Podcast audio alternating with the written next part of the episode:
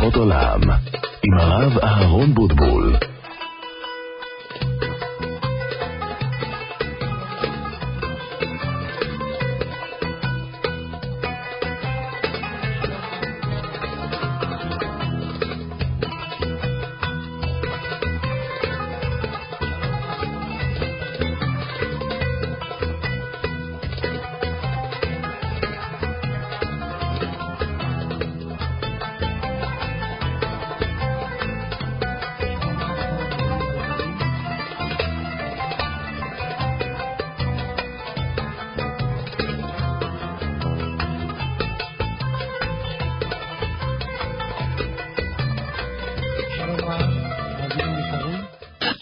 שמח שוב להיות איתכם לאחר שבוע של הפסקה. שבוע שעבר היה לנו תוכנית מקוצרת שהציבור לא ידע, רק מ-1 עד 2, אנחנו חוזרים למתכונת הרגילה, בין 12 ל-2. תוכנית שלנו אליפות עולם, שאלות ותשובות, כפי שידוע לכולם, ברוך השם. מספר הטלפון שלכם לעלייה לשידור 072-3355-921 072-3355-921 איתנו באולפן בבני ברק נמצא יורם יצחק וזנה על הטכניקה, אליהו בן חמו על ההפקה, תודה להם על פעילותם הברוכה. ולפני שנעבור לשואל הראשון, אני רוצה קודם כל לפתוח, שביקשו מאוד מאוד עכשיו מארגון הקדוש לב לאחים, שעוסק ברישום של אחינו בני ישראל למסגרות תורניות, לחיזוק והכנסת יהדות למשפחות האלה. אני, אנחנו לא מבקשים מכם שתעשו את הרישום. אנחנו רק מבקשים מכם שתיתנו אינפורמציה על משפחה שמתקרבת, משפחה שהיא פוטנציאל לרישום של הבנים והבנות במסגרות תורניות, בסך הכל להתקשר למוקד, להודיע על הכתובת ועל שם המשפחה, וכבר מיד לאלתר ישלחו עליהם נציג שישכנע אותם להכניס את הבנים והבנות למסגרת תורנית. מספר הטלפון של המוקד זה מספר קל מאוד, כוכבית 3322, כוכבית 3322. אם אתה רואה בשכנות, בשכנותך, אם את רואה בשכנותך משפחה שמתקרבת והיא פוטנציאל להכנסת בנים ובנות למסגרות תורניות, לא מדובר על מסגרות חרדיות. מסגרות תורניות זה קירוב. אם אתם רואים שיש פוטנציאל כזה, תתקשרו למוקד הזה, תודיעו על שם המשפחה והכתובת, וכבר ישלחו עליהם נציג. אינכם יודעים איזה תועלת אפשר לעשות בטלפון הזה, אתם מקבלים שכר בעולם הבא, כמו שהצלתם נפש מאיבדון. כוכבית 3322, כוכבית 3322. אני רוצה לחזור ולומר שעוסקים עכשיו בבניין של הרדיו, עושים שיפוץ, ולכן מערכות התקשורת לא תהיינה תקינות כמו תמיד. כל אחד מכם שיתקשר, או אחת שתתקשר לעלות לשידור, ינתקו את השיחה, כמובן, ידבר איתכם נציג, ינתחו את השיחה, ומיד לאחר מכן יחזרו אליכם בטלפון, מבקשים, לאחר שקיבלתם כזו שיחה, להשאיר את הטלפון פנוי כדי להעלות אתכם לשידור. כן, נוכל לעלות כבר את השואל הראשון, בבקשה. שלום רב. שלום כבוד הרב. כן, בבקשה, מה שאלתך? כן. שלום. קודם כל תודה רבה על כל השידורים, אנחנו מאוד מאוד נהנים ומקפידים לשמוע את הרב.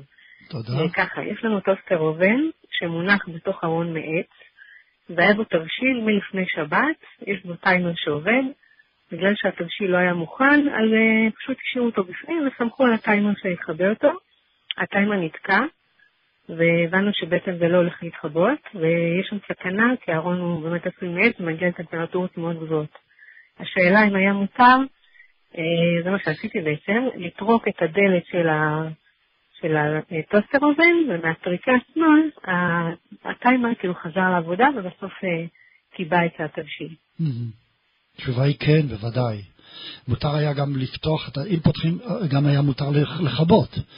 אה, כדאי לעשות, מה שאת עשית, עשית גרמה, עשית שינוי. זה נפלא, זה שקרדר הבנה.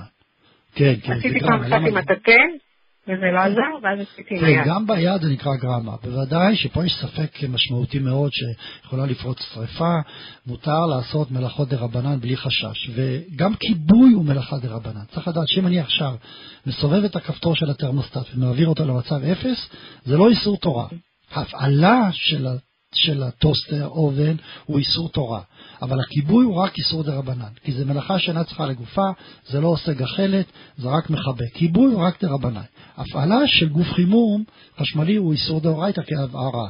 לכן במקרה שלנו מותר לעשות את זה. כנ"ל אותה שאלה הייתה לנו לגבי בוילר שדלק ושכחו לכבות אותו בערב שבת ופחדו, תמיד יש תרמוסטט, אבל כבר קרה שהתרמוסטט פתאום נתקע והוא עובד כל הזמן, יש סכנת פיצוץ, מותר בכזה מקרה לכבות את המתג של ה... של הבוילר בשינוי, במרפק של יד שמאל. מה שאת עשית זה כמו שינוי וגרמה, בוודאי שזה מותר. בבקשה. הבנתי, תודה רבה. ואם אפשר עוד אה, שתי שאלות קצרות. הבת שלי שאלה לפני כמה שבועות את הרב אם מותר לה לשחק בבובה ולקלוע לבובה צמא. והרב אמר שאסור. והשאלה שלנו היא למה זה לא נחשב כמו בניין בלגו או משהו אחר שעומד להתפרק ממילא באותה שבת עצמה. חכמים אסרו לקלוע צמא, והתייחסו לזה בפורש, בגלל שיש התייחסות של חז"ל, וחז"ל גזרו מדרבנן שזה אסור. עכשיו, אפילו לגו. כן, לגו, אה, חז"ל לא התייחסו, ונתנו לנו הגדרות, ואמרו אין בונה וסותר בכלים, ואמרו בפירוש, אם אני עושה בניין שאינו של קיימם, מפורש בשולחן ערוך, סימן שי"ד, שאין בזה איסור בונה וסותר. וכיוון שבונים לגו זה מיועד לפירוק והרכבה, כל דבר שמיועד לפירוק והרכבה מותר. מרן בשולחן ערוך, סימן ש...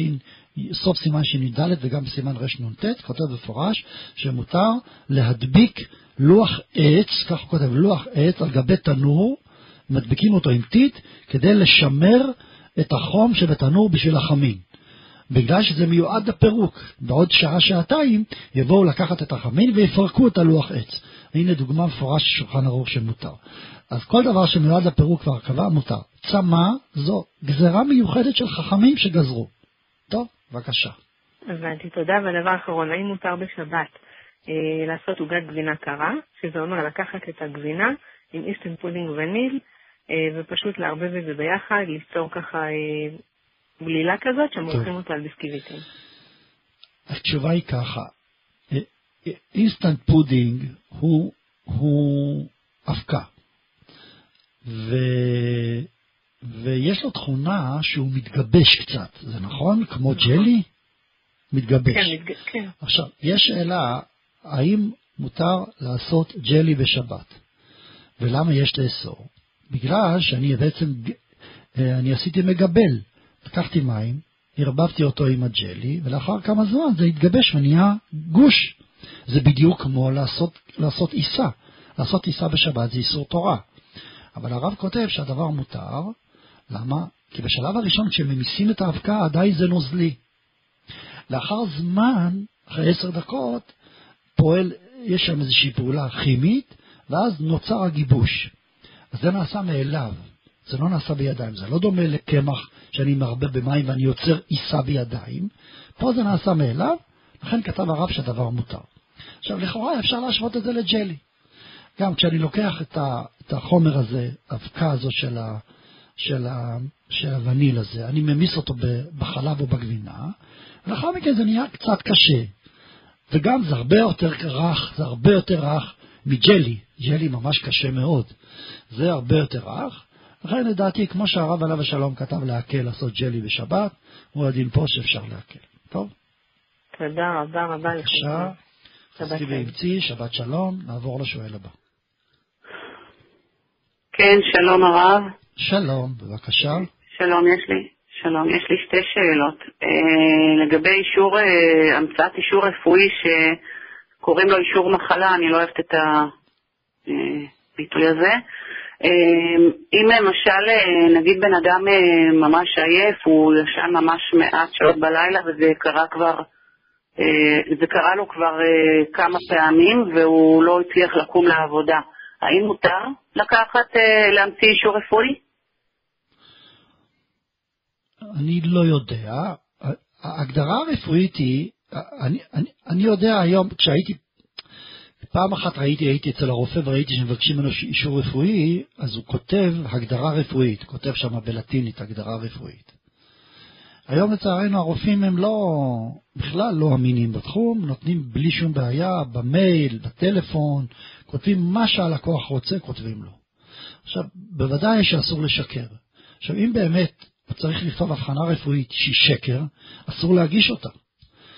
צריך להגיש הבחנה רפואית אמיתית. עכשיו, במקרה שלנו, הוא עייף בגלל שהוא לא ישן בלילה. זה לא הגדרה רפואית, זה לא חולי. אני לא רואה בו שום... לא, בסדר, זה מה ששאלתי, חס ושלום, לא התכוונתי לשקר. כן, גם היום. הרב לא כותבים הבחנה רפואית. אה, לא כותבים היום? לא, מה לא, כותבים? כבר מה כמה? שנים. מה כותבים? אה, לא, אני לא? זוכרת בדיוק? אבל אה, אם כותבים לא הנ"ל הנ"ל אינו. מסוגל לעבוד, אז אה, נו, אולי זה נכון, אין פה שקר. אבל מצד שני, אני לא רוצה... לעצמי- כן. כן, כן, אני מבין, אני לא מאשים אף אחד, אני רק אומר, אני מנסה כל הזמן למצוא צד כולה, אנשים משתמשים בזה. אז למשל, אה, יש אישה, אישה ש, שגמרה את אה, חודשי, אה, חופשת, חופשת הלידה שלה, והיא עדיין מרגישה מאוד תשושה ומאוד חלשה, ומבקשת מהרופא שירשום לה חופשת מחלה. אז היא שואלת האם מותר או אסור. אז אם היא באמת תשושה מאוד ולא התאוששה מהלידה וכולי, והרופא באמת מאשר את זה שיש לה חולשה, אז חולשה זה גם חולי. אבל חולשה מעייפות זה לא מוגדר כחולי. אם אדם לא ישן בגלל שהוא הוא, הוא הלך לבלות בלילה, אז מה, זה סיבה להגיד שזה חולי? בוודאי שזה לא מתקבל על הדעת. שישן טוב ויקום בבוקר ויוכל... אה, בקיצור, צריך מאוד להיזהר. יש פה שתי בעיות. בעיה אחת שזה שקר, בעיה שנייה שזה גם קבלת אה, כסף בחשש גזל. הרי תמיד אומרים לי, אבל אה, בעבודות ממשלתיות, הזכויות של חופשה, שימי המחלה נצברים לסוף הפנסיה. אבל אחר כך בדקתי את זה, בטח את יודעת, שהתברר שלא מקבלים את כל הכסף הזה בפנסיה. מקבלים רק 20, 30, 40 אחוז, כל אחד לפי הזכויות שלו. ובוודאי שפה, כאשר הוא משתמש בזה עם חופשת מחלה, אישור רפואי, הוא מקבל 100 אחוז החזר. וזה הוא לא מקבל כאשר הוא משאיר את זה לגיל 55. אז הווה אומר שזה לא ניתן לו כצבירה באופן מלא. לכן בוודאי שיש פה חשש גזל. אז יש פה גם שקר וגם גזל. לדעתי צריך להיזהר בזה מאוד. בסדר, זה רק, זה מה שבאמת אה, התכוונתי לברר, לא חס ושלום לנסות להערים או משהו כזה, טוב, ממש לא. בבקשה. עכשיו, כן. תודה רבה, ועכשיו אה, שאלה לגבי פיתות בהכשר מהודר, שלא כתוב על השקית הופרשה חלה כדין. אז אה, לפני כמה. חודשים ביררתי בבית הוראה, אמר לי שם הרב שפשוט אחרי המוצי לכוון הרי זו חלה. השאלה שלי לא, כעת, אם זה באמת נכון, צורך. אין צורך. ברגע. שיש כשרות לא רק מהודר, כשרות בסיסית, אפשר להיות בביטחון מלא שנעשתה הפרשת חלה. אני יכול לומר בוודאות שהרבנות, הדבר הראשון שהיא מקפידה, הדבר הראשון שהיא מקפידה בכל המאפים והמאפיות זה שתי נקודות מרכזיות. זה העניין הזה של קמח שאין בו תולעים ושהוא לא מטולל, למשל קמח שנמצא על הרצפה, פוסלים אותו מיד, חייבים שיהיה בידוד עשרה סנטימטר מהרצפה, כי הוא נמצא על הרצפה הוא, הוא מתליע, ועוד גם שתהיה נפה שיש לה 70 מש שעוברת את הקריטריונים.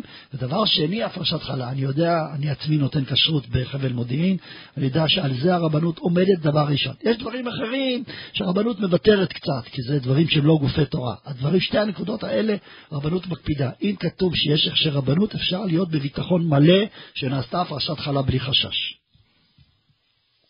טוב, טוב. תודה רבה הרב. בבקשה. חזקי ואמצי, שבת שלום. נעבור לשואל הבא. אה, שלום וברכה כבוד הרב. שלום, בבקשה. אה, תודה רבה קודם כל על התוכנית, ויש לי שאלה, יש לי שתי שאלות. אה, שאלה ראשונה זה שיש לנו בבית ברז שכל נגיעה הוא נפתח, אה, קודם כל משאירים בזה את הברז פתוח, וכל נגיעה עם הגוף הוא נכבה ונדלק. מה זאת אומרת נכבה? לא מה הבנתי. ברז? מה זאת אומרת ברז? נפתח התכוונת. כן. נפתח הברז? אני פותחת, פותחים עם הידית, וכל נגיעה בברז עצמו זה נכבה או נדלק. מה פירוש? מה נכבה? מה נכבה? הברז, המים. אה, מה, מה קשור נכבה? הכוונה, כוונתך נסגרו, נסגרים המים? זה את מתכוונת? זה עובד עם בטריות, ואז כל נגיעה בברז עצמו, המים אה, יוצאים, כאילו נפתח הברז. כשאני נוגעת שוב, אני זה. נסגר. זה ברז שעובד עם מנוע חשמלי שפותח את השסתום. עכשיו. הבנתי. זהו ברז מיוחד, שיש בו אמנם שסתום, אבל השסתום נפתח על ידי נגיעה, בפתיחה חשמלית. יפה, אז פשוט שאסור להשתמש בו בשבת, אין מה לעשות. אם אני נוגע בו, אני הפעלתי מנגנון חשמלי שמפעיל מש... איזשהי מנוע, והמנוע פותח את השסתום. ואם אני נוגע שוב, אני מפעיל שוב מנוע, והמנוע סוגר. אין שום היתר אצלנו להשתמש. אסור אם בזה. נגיע- אם נוגעים בזה. בדיוק. אם אתה צריך לשחק עם הידית ואם נוגעים בזה זה נחבא ונדלק, כאילו. אז, אז, אז מה אפשר לעשות? אסור לנגוע. מה השאלה? אם את יודעת שאת נוגעת, את מפעילה את הפתיחה והסגירה על ידי מנוע חשמלי של בטריה, הדבר אסור בשבת. אוקיי. תודה. שאלה שנייה, אם, אה, אנחנו עושים בצק של לחם, ועם החתיכות שנשארות אנחנו עושות תעודה שלישית, אה, שאנחנו מוכרים על זה שוקולד, אה, מרגרינה וקקאו וסוכר. אחד זה לאכול, זה יוצאים מזה תעודה שלישית, נכון? למה לא? אם אוכלים, יוצאים לתוך סעודה שלישית בלחם, אם יאכלים, כזית מינימום, ולכתחילה צריך לאכול כביצה. כל אדם ירא שמיים יקפיד לאכול כביצה לחם בסעודה שלישית. אם קשה לו, יסתפק בכזית. בסדר? אוקיי, וזה נשאר המוציא, נכון? בוודאי. רגע, אני רוצה להבין, טחנתם את זה? זה חתיכות קטנות שלא ניכרות או ניכרות? הלחם ניכר או לא ניכר? בטח, זה סוג של אה, פס כזה, שבטח אנחנו גילגלנו אותו בשוקולד. אבל רואים את הלחם? אבל רואים את כמו הלחם? אבל רואים אותו. בטח שרואים, כן. זה נראה עובד מראה פשוט. אם רואים אותו, ברכתו המוציא. עכשיו, אם עשיתי, לקחתי פירורי לחם, וערבבתי, כמו שאמרת, קקאו ושוקולד, ולא ניכר הלחם, כי הפירורים נבלעו בתוך השוקולד, ורואים רק פונץ' שוקולד, פה לא מברכים על זה המוציא. אבל במקרה שלך, שחתיכות הלחם בולטות מתוך השוקולד ורואים אותן, צריך לברך על זה המוציא. מצוין, תודה רבה, שבת שלום. בבקשה, שבת שלום. נעבור לשואל הבא. הלו, שלום, בבקשה. שלום. אה, רציתי לשאול בבקשה, אה, אנחנו משלמים אה, ביטוח C במאוחדת כל חודש, ורציתי לבטל את הביטוח C, אבל הש, השנה, בראש- בראשון הראשון כבר לקחתי את הזכות למשקפיים לילד. השאלה אם מותר לי לבטל אחרי שלקחתי כבר את הזכות של השנה. מותר לי לבטל לכל השנה, או שכבר... אה, אני חושב שכן. עצם העובדה שלא אמרו לך שאת מוגבלת, בזה שאת מקבלת עכשיו את הזכות להוציא משקפיים, לא אמרו לך שאת מוגבלת להחזיק את, ה, את, ה, את החברות. במועדון השיא לשנה שלמה, בוודאי שאת לא חייבת, את יכולה, עצם העובדה שנתנו, אין פה שום חשש גזל. אין חשש? אין חשש. תודה רבה. שבת שלום. כן, נעבור לשואל הבא. כן, אני כבר אמרתי בתחילת התוכנית שאנחנו חוזרים עליכם, וכאשר יש לנו מאזין שעלה והוא שואל שאלה קצרה, לוקח כמה שניות עד שחוזרים עליכם, לכן תתאזרו בסבלנות, כל מי שמתקשר ועונים לו, להשאיר את הקו פנוי לקבלת שיחה. כן, בבקשה, שלום. אה, שלום, תודה רבה. קודם כל, כבוד הרב. כן, אה, שלום. כן, בבקשה. מה השאלה? מה השאלה? אה, השאלה היא כזאת, אם, האם אני יכולה עם טלפון על ילדה בת שמונה, כן, אז מה השאלה? האם אני יכולה טלפון? אני ילדה בת שמונה. אני לא כל כך מבין את השאלה. מה פירוש יכולה טלפון? מה השאלה בדיוק? האם, האם לקנות לך טלפון? זו השאלה? אה, האם אני, אה, אם אפשר, אני, אם אני יכולה להשתמש כבר בטלפון? את רוצה טלפון פרטי בשבילך? זו השאלה? כן, הבנתי. את רוצה שאבא ואימא יקנו לך טלפון פרטי בשבילך, נכון? נכון. אה, הבנתי. וההורים מתנגדים או לא מתנגדים? מה את חושבת? מה את יודעת בעניין? אה, נראה לי שהם, אה, לא יודעת, אולי. לא מתנגדים נראה לי. הם לא מתנגדים. בסדר, אם ככה, אני חושב שההורים שלך יעשו איתך תנאי, שאם תהיי ילדה טובה, ותעמדי במטלות שלך בבית הספר, ותצליחי בלימודים, אחרי חודש ייתנו לך טלפון. בסדר? טוב? בסדר. ועוד. שאלה? כן? כן. אני, כי יש לי חרדות בשינה בגלל המצב הביטחוני. אה, מה אני יכולה לעשות? אז יש לי הצעה. אם יש לך חרדות, תגידי כל יום שני פרקי תהילים, ות, ותגידי במיוחד פרק, פרק כ' ופרק צדי א' בתהילים, ובעזרת השם, תאמיני באמונה שלמה שכוח התפילה של התהילים ירגיע אותך, ובעזרת השם את תהיי רגועה מזה. אז שוב אני חוזר, פרק כ' ופרק צדי א'. תודה רבה. בבקשה, שבת שלום. שבת. שלום. שבת שלום. נעבור לשואל הבא. הלו? שלום רב, בבקשה. שלום כבוד הרב, רציתי לשאול, הביאו לי מערכת כלים אה, שעשויה מפורסלן, ואני יודעת שאותה אישה שהביאה לי, היא לא הייתה משתמשת אה, בבשר חלק. שאלה כן. מה עושים? אפשר גם להקל, לא אפשר. אפשר להקל. אני אגיד לך למה. כיוון שכל השימוש בצלחות הוא תמיד שימוש של כלי שני. לא ראינו מעולם שצלחת תהיה כלי ראשון. מסיבה פשוטה.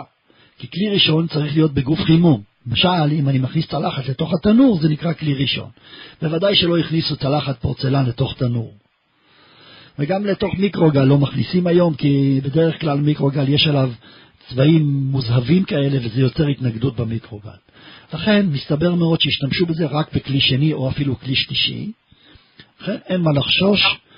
מותר לך שזה להשת- עשוי כאילו מחרס, חרס או פורצלן. כן, כן. נכון, נכון, לא אבל זה כלי שני, זה כלי שני. כלי שני אינו מולע ואינו גמור. מפליט.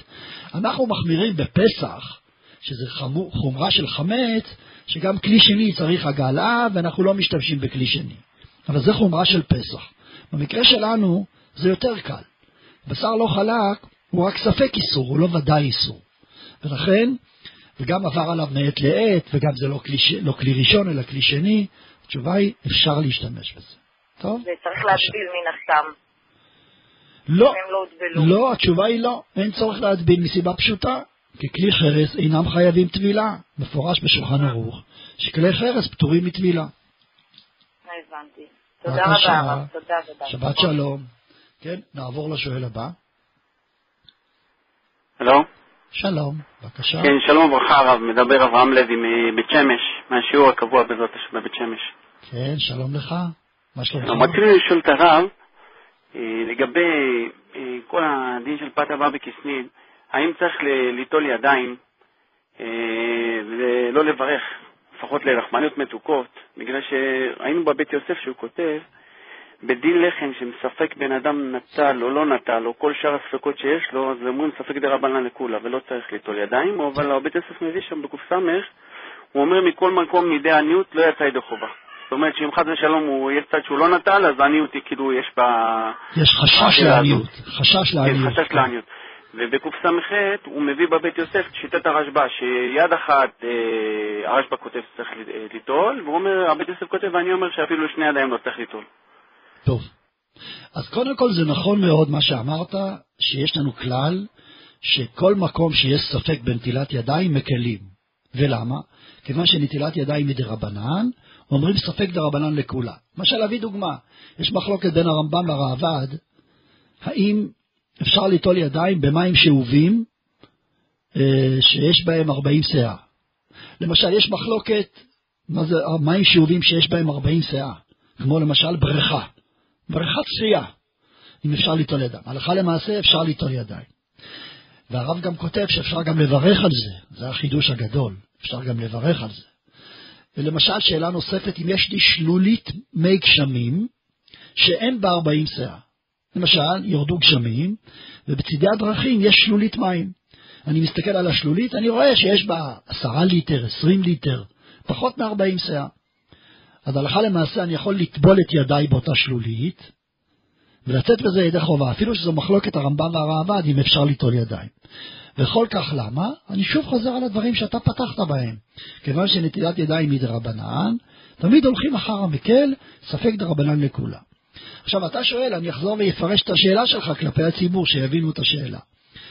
אדם שקובע סעודתו על פת הבאה בכסלין, למשל, אדם אוכל עוגת שמרים, ואוכל ממנה שיעור של 216 גרם, שאז ברכתה המוציא לחם מן הארץ. אז רוב הפוסקים אומרים שצריך ליטול ידיים, ומרן השולחן ערוך פוסק שצריך ליטול ידיים עם ברכה, כך פסק מרן. אבל דא עקא, שיש פוסקים שפוטרים מנטילת ידיים. ולכן הלכה למעשה, אנחנו נוטלים ידיים, אבל לא מברכים. זה הדין. עכשיו, שאלת, למה פה לא אומרים ספק דרבנן לכולה? כיוון שזה מחלוקת אם יש חיוב או אין חיוב. תקל, אבל התשובה היא פשוטה מאוד. אנחנו מקלים רק לגבי הברכה, אבל לא לגבי הנטילה עצמה. ולמה? כי מרן הכריע שצריך נטילה. ולדעת מרן צריך נטילה עם ברכה. ורוב הראשונים סוברים שצריך נטילה. אז זה לא דומה למקרה שהבאתי קודם מחלוקת הרמב"ם והראב"ד, שמרן עצמו הביא את המחלוקת הזו.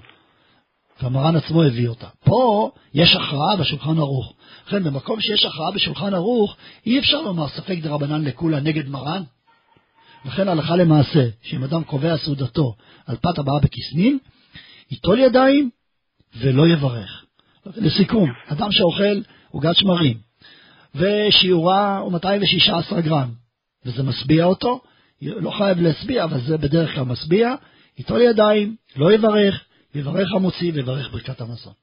יפה מאוד. יפה, אבל אני שאלתי, אה, בשיעור פחות מ-216 גרם, נגיד הוא אוכל 50 גרם מעוגת שמרים, האם הוא צריך ליטול ידיים בלי ברכה, או לחמניה מזונות שהיא 70 גרם נגיד.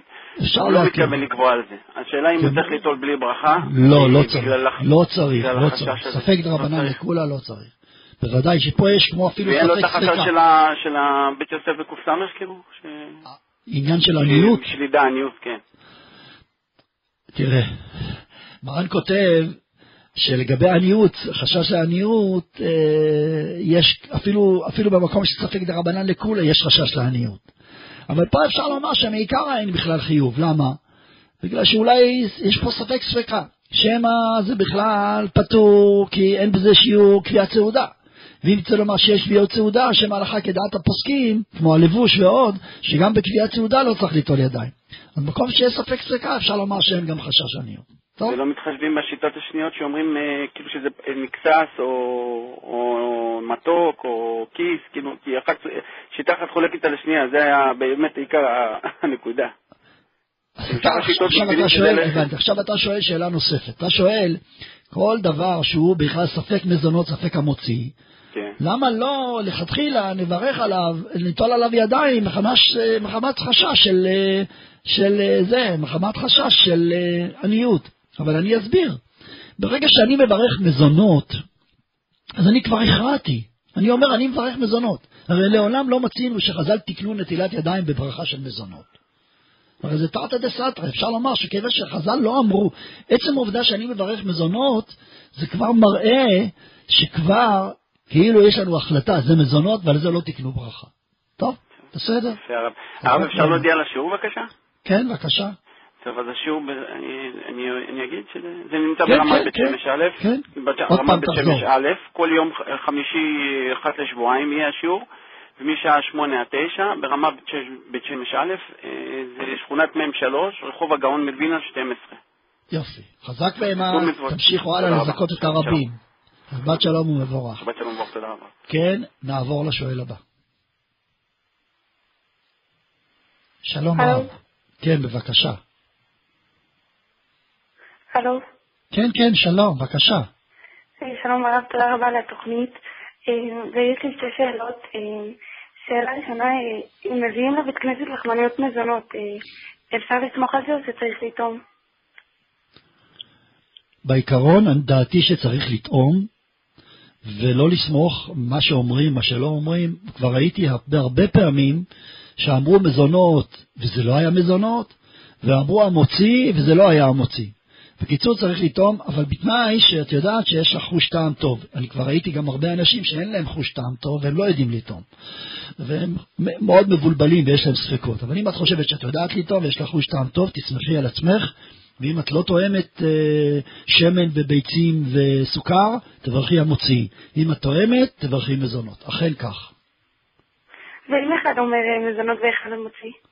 אז תסמכי על הטעימה שלך. טוב, תודה. ושאלה שנייה, אה, מותר אה, לסגור בפתק של אה, בקבוק שהוא ריק בשבת? טוב, התשובה היא ככה, הרמב"ם כותב שאם אדם תוקע עץ בעץ עד שנהיה גוף אחד, כמו למשל, יש כיסא שעשוי משליבות, ותוקעים את השליבה אחת בשנייה וזה מחזק את הכיסא. או למשל שליבות של סולם, שתוקעים את השליבות של הסולם זה בזה, עד שזה נהיה גוף אחד. אז הרמב"ם כותב שאם אדם עושה את זה, עובר באיסור דאורייתא של בונה. כך כותב הרמב"ם. למדנו מזה, שאם אדם מחבר שני חלקים אחד לשני, זה איסור בונה. המגן אברהם כותב, אפשר לעבור על איסור בונה גם אם עושים מבריגים בורג. הרי מי שהיה פעם במגדל אייפל למשל, כל מגדל אייפל בנוי כולו מהמסד עד הטפחות, כולו מברגים. ברגים בסך הכל. אומים ובורג. זאת אומרת, וגם אה, טנק, מרכבה, שהוא שוקל 50 טון והוא מפלצת של כוח, כולו בנוי מברגים. זה אומר שבורג הוא לא בהכרח דבר חלש, זה דבר לא בר קיימא. ולכן אם אני מבריג עכשיו פקק לבקבוק ריק, ואני לא מתכוון לפתוח אותו לעולם, אז בעצם חיברתי שני חלקים להיות גוף אחד. ואף אחד גם לא יפתח אותו. למה שיפתחו אותו? אני זורק אותו לאשפה. וכאשר זורקים אותו לאשפה הוא נגרס שם. והכל נשאר בעצם גוף אחד. אז בעצם יש פה איסור בונה. כאשר מחברים שני חלקים להיות גוף אחד, יש בזה איסור בונה. לכן, אם רוצים להבריג בשבת משום שפוחדים שזה יישפך וכולי, אפשר להבריג הברגה קלה, לא להדק את הבורג. באנו להבריג סיבוב אחד, זה מותר. אבל כשמבריגים בחוזקה ומהדקים את הבורג, בוודאי שיש פה איסור בונה. וגם כאשר משליכים את הבקבוק לאשפה, אף אחד לא פותח את זה. אמרו לי שבמקום שאוספים בקבוקים ריקים, אם אוספים אותם מותר כן להבריג. למה? כי כאשר אוספים את הבקבוקים הריקים ומביאים אותם למתקן מיוחד שאוספים אותם, שם מפרידים בין הפקק לבין הבקבוק. וכיוון שמפרידים, הווה אומר שהחיבור שה, שעשיתי עכשיו בין הפקק לבין הבקבוק הוא חיבור זמני, ואם זה חיבור זמני הדבר מותר, כי אין בניין, הוא סתירה בכלים. בבקשה. טוב, תודה רבה. תודה, שבת שלום. כן, נעבור לשואל הבא. שלום וברכה רב. שלום, בבקשה. שלום, אני פה עם הילדים, ורצינו לשאול, האם מותר להשתמש בשעון חול אה, של משחק כדי בשבת. למדוד זמן, גם למשחק אה? וגם כדי למדוד זמן של תור במשחק? יפה, אותו דבר. התשובה היא, מצינו בזה מחלוקת בפוסקי דורנו, לא ראינו בזה ראשונים מפורש, אבל כידוע, מדידה אסורה בשבת. אבל במה חז"ל דיברו על מדידה? דיברו על מדידת משקל, נפח ואורך ורוחב. על זה דיברו.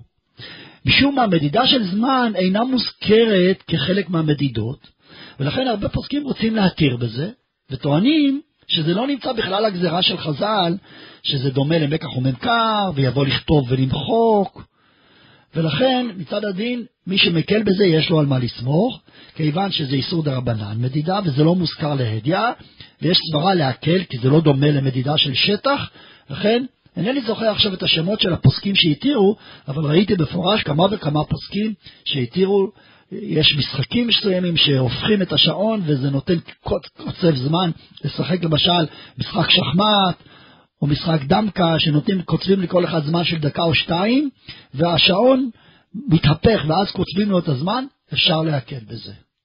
תודה רבה הרב. שבת בבקשה, שלום. שבת שלום. נעבור לשואל הבא. שלום רב, בבקשה. הלו? שלום, בבקשה.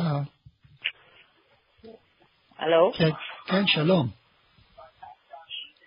כן, בבקשה. את נשמעת? שלום? הלו? טוב. כן, שלום, את נשמעת, מה שאלתך? לא. יש בעיית תקשורת איתך, אני מצטער, נעבור לשואל הבא. כן, שלום, בבקשה. אה, הרב, אני רוצה לשאול, מצאתי כדור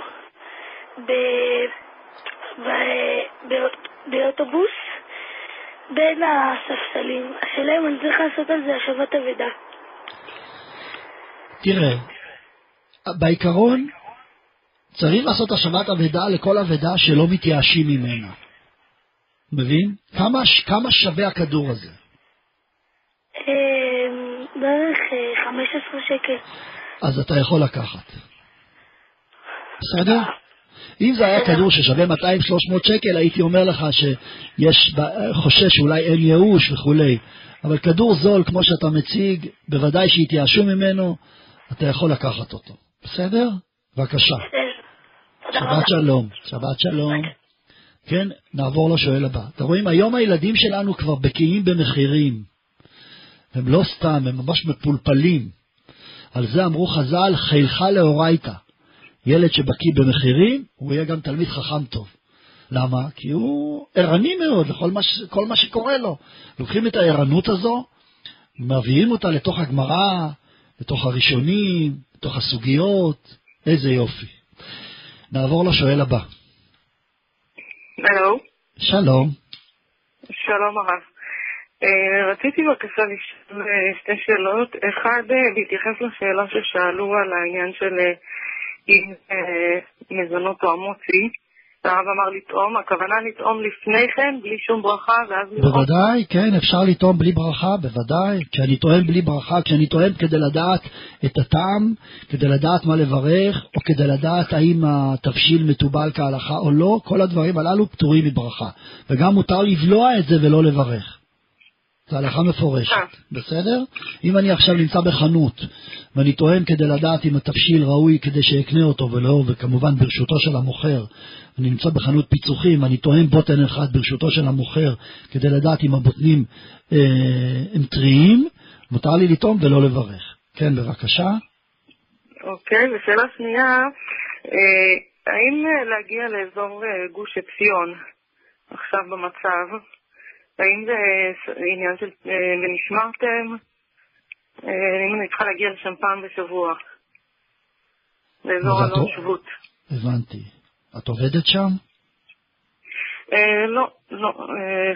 איזשהו עניין אחר, אבל זה כדאי. מה אני אעשה? אני... מה אני אומר? מה אני אומר? מה אומר או מה אדבר? אנחנו לא רוצה לי לעשות מורך, אני מדבר עכשיו בתוכנית רדיו שמאות אלפי אנשים מקשיבים, ומה יעשו אותם תושבי אלון שבות שאני אגיד שהמקום שלהם מפחיד, מה יהיה? אה? איך אני יכול לומר דבר כזה? אבל על פניו אה, יש קצת חשש בדברייך, כן? כן. טוב. בבקשה, שבת שלום ומבורך. כן, השם יעזור לנו, שיחזק אותנו ויפיל וישכניע, אני כל היום מתפלל שהקדוש ברוך הוא יילחם את מלחמתנו וישמיד את האויבים שלנו וימית אותם ויכלה אותם בעזרת השם שכל החיילים שלנו יחזרו בריאים ושלמים והקדוש ברוך הוא יעשה את מלחמותינו כמו שעשה לחזקיהו שהקדוש ברוך הוא קיים בו את הפסוק ויח מלאך השם במחנה אשור 185 א' והנה כולם פגרים מתים ואז הכל יעשה, ולא יהיה לנו האג, ולא יהיה לנו אומות העולם. הקדוש ברוך הוא עושה את המלחמות. את יודעת מה? אני חושב שאפילו כשהקדוש ברוך הוא יעשה את המלחמה, יאשימו אותנו בהאג. לא יעזור.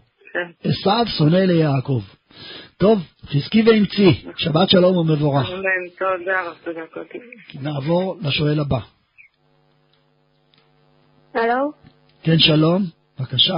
אה, רציתי לשאול אם אה, קודם כל, אם בנות חייבות אה, להגיד קריאת שמע של המיטה? התשובה היא כן. נשים חייבות בקריאת שמע על המיטה, מאוד רצוי לחנך את הבנות גם כשהן קטנות, לומר קריאת שמע ולהגיד ברכת המפיל. ברכת המפיל היא ברכה חשובה מאוד, ולומר אותה בכל הלילה, אפילו מי שישן או מי שישנה לאחר חצות הלילה, חייבת לברך המפיל בשם ומלכות. ברוך אתה השם, המפיל לבני שינה על עיניי, ברוך אתה השם המאיר לעולם כולו בכבודו, זה בשם ומלכות, לברך אותה, ולאחר מכן להגיד קריאת שמע מלאה, שלוש פרשיות, פרשת ואהבת, פרשת והיה עם שמוע, פרשת ויאמר. אכן כן, לומר את זה. טוב. בבקשה. אה, ואם זאת שאם אנחנו מכינים אה, נגיד עוף תחוץ, עוף אה, ממולא, אנחנו שמים בשקית אחת את העוף ובשקית אחת את האורז, ויש חורים בשקיות, אז האורז הוא בשרי? אז אני אחזור. את מבשלת עוף בסיר, ויש לך בשקית, בשקית אחת עוף, בשקית שנייה אורז, ובתוך סיר אחד, ויש חורים בשקית. אז ברור כשמש שהאורז הוא בשרי. אם יש חורים בשקית, האורז הוא בשרי לכל דבר. וצריך להחמיר ולא לאכול אחריו חלב שש שעות. בסדר, תודה רבה. בבקשה, שבת שלום. כן, נעבור לשואל הבא. שלום עליכם, מורי ורבי עצרת ראשי, חתנה דבי מרן מלכה. שלום עליכם, מה שלומך? עידן ועידנים שלא עלית לשידור, נכון, ורבים תמהו ושאלו. כן, בוודאי, כולם מכירים, אבל על זה שאלו ותמהו, מה עשה אלוקים לנו שלא שמענו את קולך למעלה משנה פלוס? אמת, אמת, אני יודע, אבל אה, ככה זה יצא, אמרתי ניתן קצת לאחרים. טוב, יפה, יפה, יפה מאוד. מה שלומך כבוד הרב? ברוך השם, מרגיש טוב, ואיך אתה? ברוך השם, שמח לשמוע את כבוד הרב. אני ברוך השם, היום אני כבר סבא כבר שלושה חודשים, ברוך השם. ואתה ממשיך לעבוד בהסעות? כן, אבל היום אני ברכב ממוגן ירי בשומרון. אה, אתה עובד בשומרון? איזה קו? כן. אה, יותר תלמידים וטיולים. תלמידים, תלמידים. אתה מסיע תלמידים בשומרון. כן. טוב, השם ישמור צאתך ובואך, השם נשמה. ישמור צאתך ובואך, בעזרת השם. אמן. אם אפשר כבוד הרב, שתי שאלות. תאמר לי שאלה סתם, ש... האם האוטובוסים הציבוריים, לא האוטובוסים של הילדים, אלא האוטובוסים הציבוריים שנוסעים, גם הם ממוגני ירי בכולם, או לא? ברור שלחברה לפיתוח השומרון ממוגנים. אני, אני שאלתי לגבי השואלת הקודמת ששאלה אותי אם יש לך ידיעה שאוטובוסים שנוסעים ל, ל, ל, לגוש עציון, האם גם הם ממוגני ירי? אם זה של מטה בנימין, כן. אפשר לזהות את האוטובוס שיש לו שני גלגלים מאחורה. וזה המדד? מקדימה ושני יש, גלגלים מאחורה אפשר לזהות. אם יש שני גלגלים, סימן שהוא ממוגן ירי? נכון, וגם הזכוכית מקדימה מחולקת לשניים. בגלל המשקל של הזכוכיות, אי אפשר אה, אז זכוכית אפשר אחת. לראות, אפשר, ל- אתה נותן לנו סימנים מובהקים. זאת אומרת, כן, הזכוכית כן. מקדימה מפוצלת באמצע עם פס ניקל, נכון. ומאחורה, במקום שני גלגלים, אלא זוג גלגלים. זאת אומרת, לא זוג, אלא ארבעה גלגלים מאחורה בכל צד. נכון. אמת. זה, ולמה עושים את זה? בגלל המשקל של הברזל. נכון. הבנתי. טוב, טוב שאמרת לנו את זה, טוב לדעת. אז אני חושב שאישה שנוסעת באוטובוס ממוגן ירי, אני חושב שזה מונע את הסיכון, כי היום אין לנו, ברוך השם, ברוך השם, שלא יהיה, אין חשש ל-RPG ביהודה ושומרון. יש נכון, חשש של נכון. נקל, נכון? נקל יש חשש.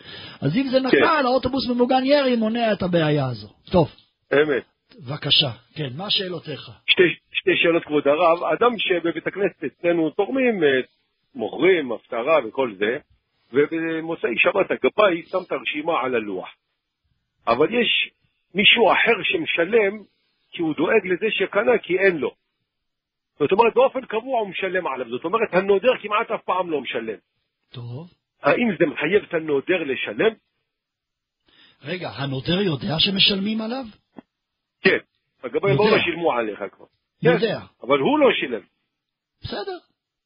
אז קודם כל צריך לדעת שהיום כשקונים אה, עליות, אני קורא לזה קונים, שמש, שמתחייבים תרומה לבית הכנסת עבור עליות, בכל המקומות זה מקובל שזה נעשה בלי נדר.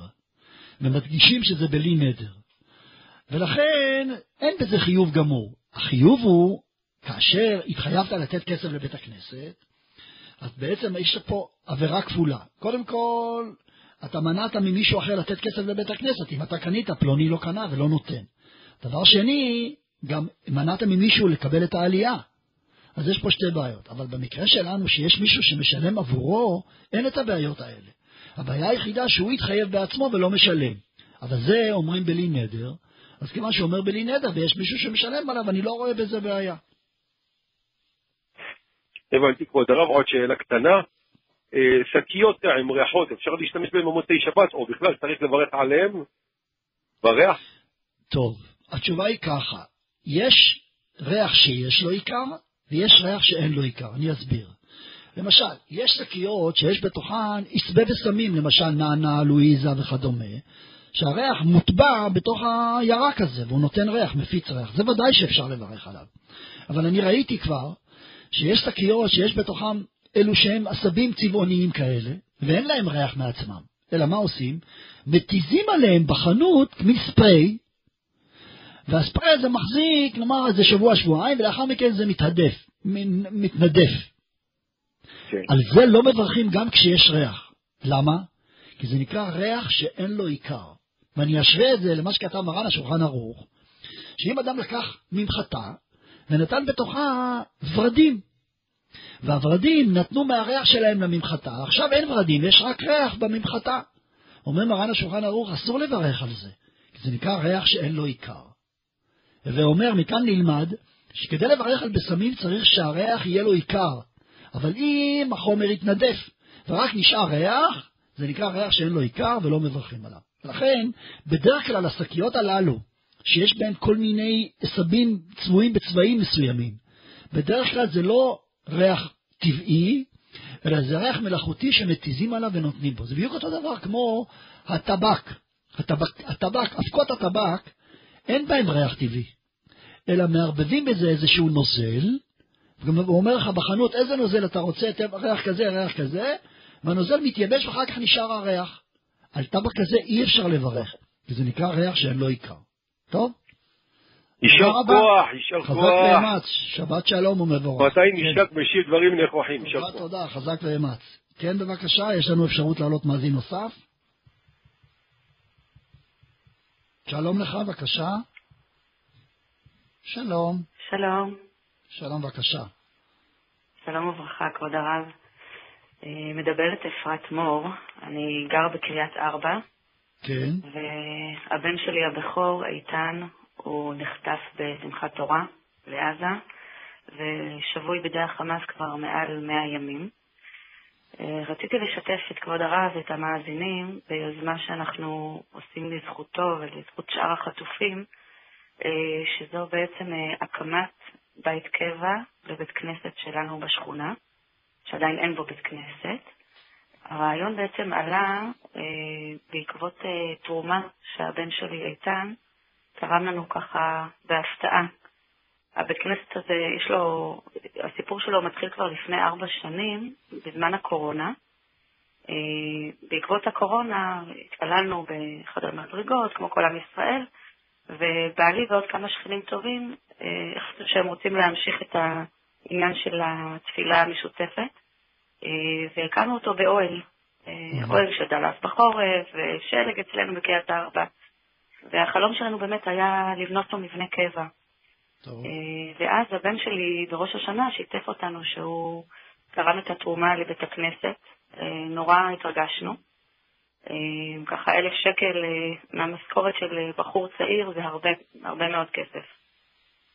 ואחרי שאיתן נחטף, בעצם עלה לי הרעיון למנף את העניין הזה לזכותו. טוב. באיזה שלב. אתם עומדים היום? פרסמת את זה ויש לך התייחסות מהציבור? אה, כן, אז זהו, בגלל שאין לנו בעצם אה, משרד פרסום ולא איש יחסי ציבור, אז אנחנו ממש אה, עובדים בעשר אצבעות. אה, פתחנו דף פייסבוק, ואנחנו מנסים להגיע לכל מיני מקומות ולאנשים טובים שיעזרו לנו. אה, אז השם עמות- אנשים יש לכם תורמים. כמובן עמותה? פתחתם עמותה?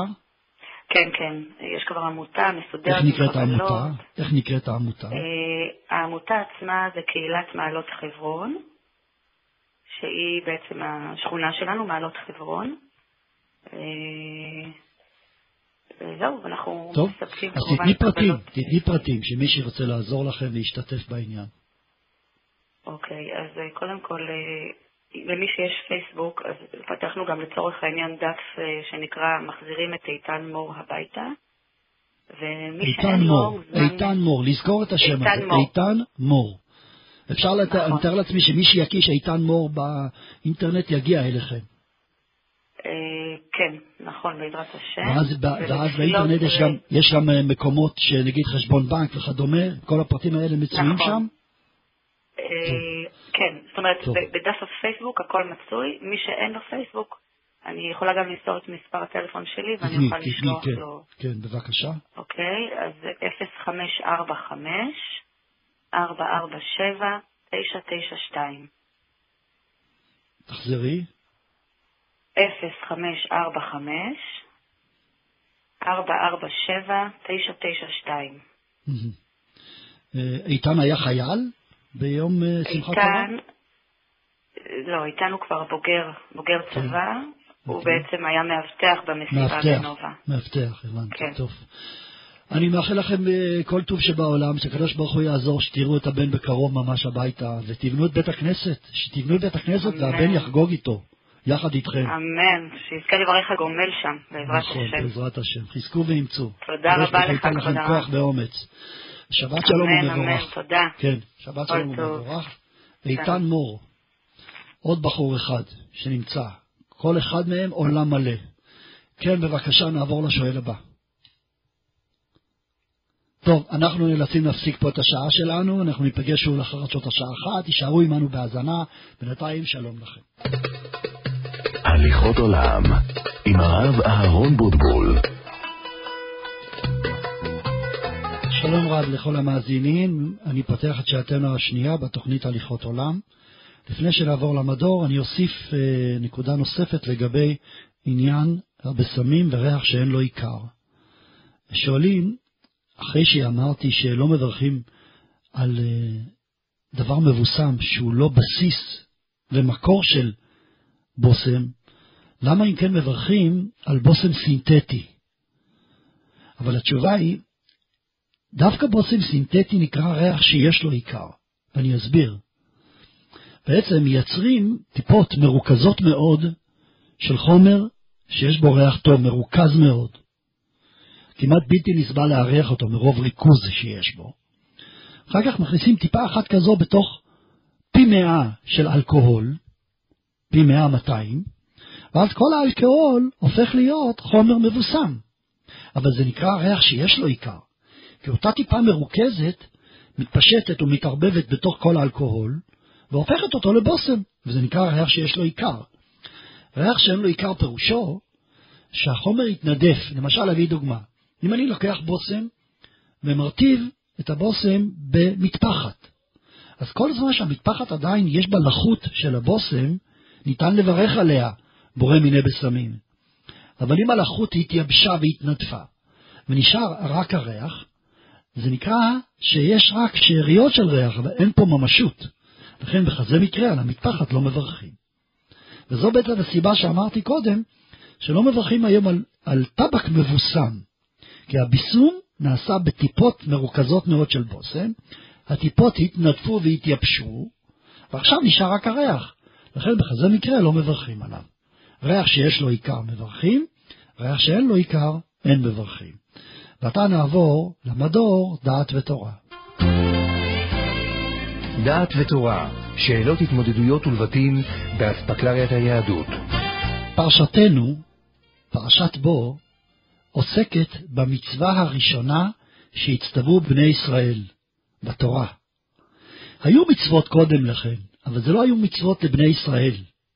מצווה לבני ישראל הראשונה היא כאשר בני ישראל עומדים לצאת ממצרים, ואז הקדוש ברוך הוא מצווה החודש הזה לכם ראש חודשים, ראשון הוא לכם לחודשי השנה, ומיד אחר כך באה לנו גם מצוות קורבן פסח.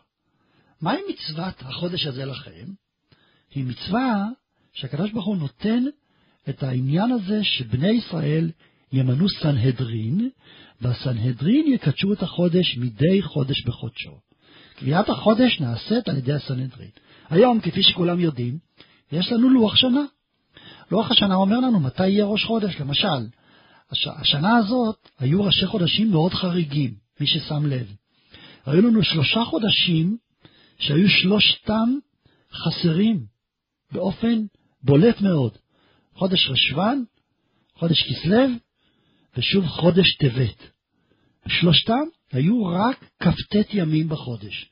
מה שבדרך כלל, בשנים רגילות, זה נעשה לסירוגין. חודש אחד מלא, חודש אחד חסר. חודש אחד מלא, חודש אחד חסר. לפי החשבון הזה היה צריך להיות, כפי שהיה, חודש תשרי מלא, חודש חשבן חסר, חודש כסלו מלא, חודש חשבן, טבת חסר. מה שהיה, זה שהיה לנו שלושה חודשים רצופים חסרים. חודש שבט כבר יחזור להיות מלא. כי כך היה, הייתה התוכנית של הלל האחרון, בן בן בן בנו של הלל הזקן, שהוא היה אחרון של, של, של, של הסנהדרין, כאשר הוא ראה שהסנהדרין עומדים להתפרק לחלוטין, הלך וקידש ועיבר את כל החודשים עד ימות המשיח. אבל במהרה בימינו יבנה בית המקדש, יבוא משיח צדקנו, והוא ימנה את הסנהדרין, כבר לא יהיה לנו לוח שנה, אלא הסנהדרין, בשידור ישיר כמובן ברדיו, כל ברמה ישדר את זה בשידור ישיר, את הטקס של קביעת החודש. ואז שואלים אותך, מתי יהיה ראש חודש? אני אומר לו, אני לא יודע. הסנהדרין צריכים לקבוע מתי יהיה ראש חודש. ואיך הם קובעים? לפי ראיית המולד.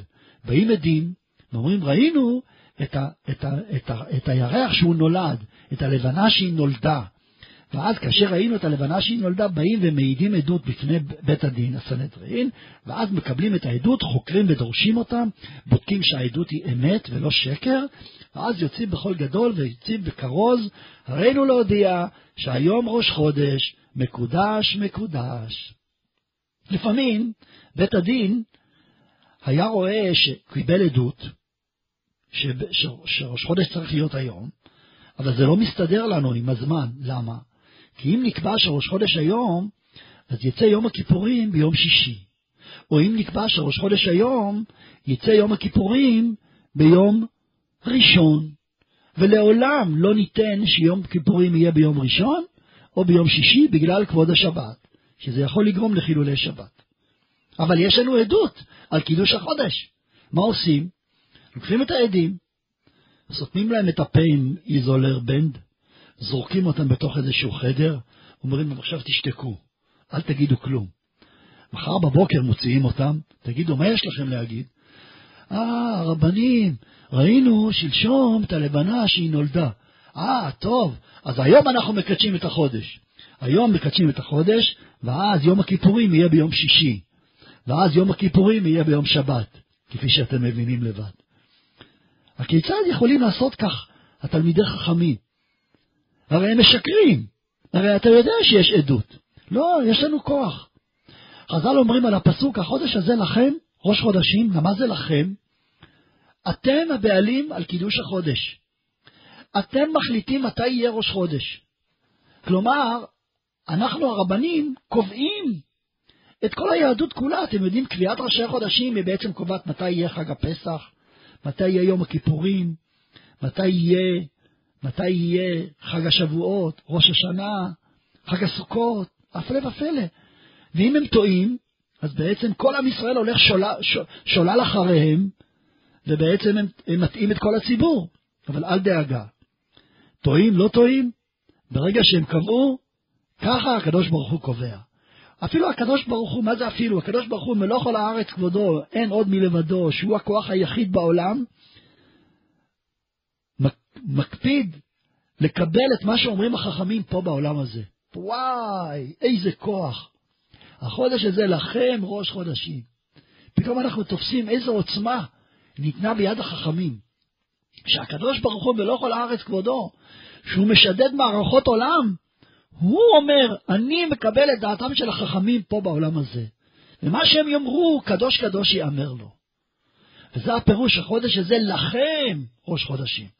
אתם המחליטים, לא אני מחליט, אתם המחליטים. זה הכוח נתון בידכם. ובזה יובן מאוד מאמר חז"ל תמוה. הגמרא במסכת, הגמרא במסכת פסחים מספרת, מסכת שבת דף קמ"ז, מספרת על רבי אלעזר בן ערך, שהוא שכח את תלמודו. והגמרא אומרת, למה הוא שכח את תלמודו?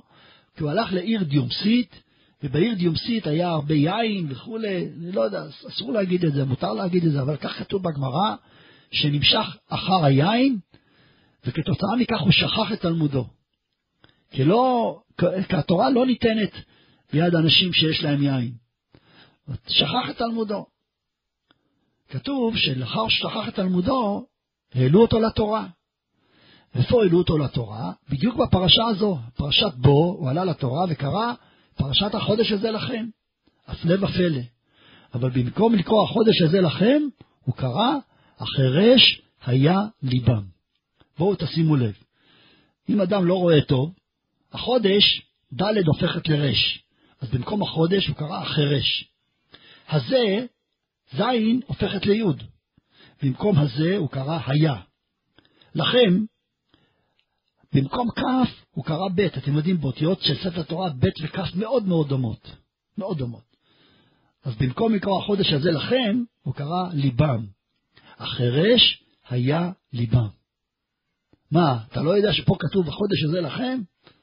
אבל הוא קרא החירש היה ליבם, כי זה מה שהוא הצליח לקרוא. כנראה הוא לא ראה טוב. כתוב, פרצו כל העם בבכייה. וזה רבי אלעזר בן ערך, גדול הדור, טועה בדבר כזה? התפללו עליו כולם, וחזר לתלמודו. ואז עוד הפעם הוא פסק להם הלכות, כי ידע את כל התורה כולה. אבל אני שואל, למה דווקא בזה הוא טעה, אחרי שהיה ליבם? למה דווקא בקטע הזה? למה הוא לא טעה בקטע אחר? אז מסבירים בעלי המוסר, יש פה מסר מהשמיים. המסר מהשמיים אומר, דווקא המילים הללו, שהחודש הזה לכם, שהמצווה הראשונה בתורה, שבעצם הקדוש ברוך הוא נותן כוח ביד החכמים להיות בלבטים על התורה. אתה שליט על התורה. כביכול כשהתורה ניתנה מהשמיים, היא איבדה את הכוח שלה בשמיים. היא ניתנה באופן מוחלט ושלם. פה היא ירדה מהשמיים וכבר לא נמצאת בשמיים, והיא נמצאת פה בעולם הזה. ובשמיים הם עצמם שרים למשמעתם של החכמים. והקדוש ברוך הוא כביכול, כביכול, כביכול אומר, מה שיגידו החכמים אני מקבל. זה מה שכתוב במילים החודש הזה לכם. כשרבי אלעזר בן ערך, שנמשך אחר היין, ושכח את תלמודו, מהשמיים רצו לומר לו, אתה כבר לא ראוי להיות החודש הזה לכם.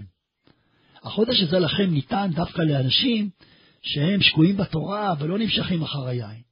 אבל אתה שנמשכת אחר היין, איבדת את הכוח. ואז במקום לקרוא החודש הזה לכם שנותנים את הכוח לחרמים, במקום זה מה נהיה? החירש היה ליבם, הלב התרוקן, הלב קיבל, איבד את הכוח שהוא קיבל מהשמיים. כי הכוח שמקבלים מהשמיים ביד החכמים הוא נתון בתנאי שהחכם עובד על עצמו ומכבד את עצמו מאוד. כמו שכתוב בחז"ל, עד שיבקש אדם תלמיד חכם שייכנסו דברי תורה בתוך מאיו, יתפלל הקדוש ברוך הוא שלא ייכנסו מעדנים בתוך מאיו. כלומר, פה חז"ל מלמדים אותנו שקניין התורה זה במיעוט שינה, מיעוט אכילה, דברים שצריך לעבוד עליהם, וזה קונים תורה. אם אנחנו רואים גאוני עולם שמצליחים לדעת תורה בצורה נדירה ולא נתפסת בהיגיון, איך אנחנו רואים גאוני עולם שיודעים כל כך הרבה תורה, זה בלתי נתפס.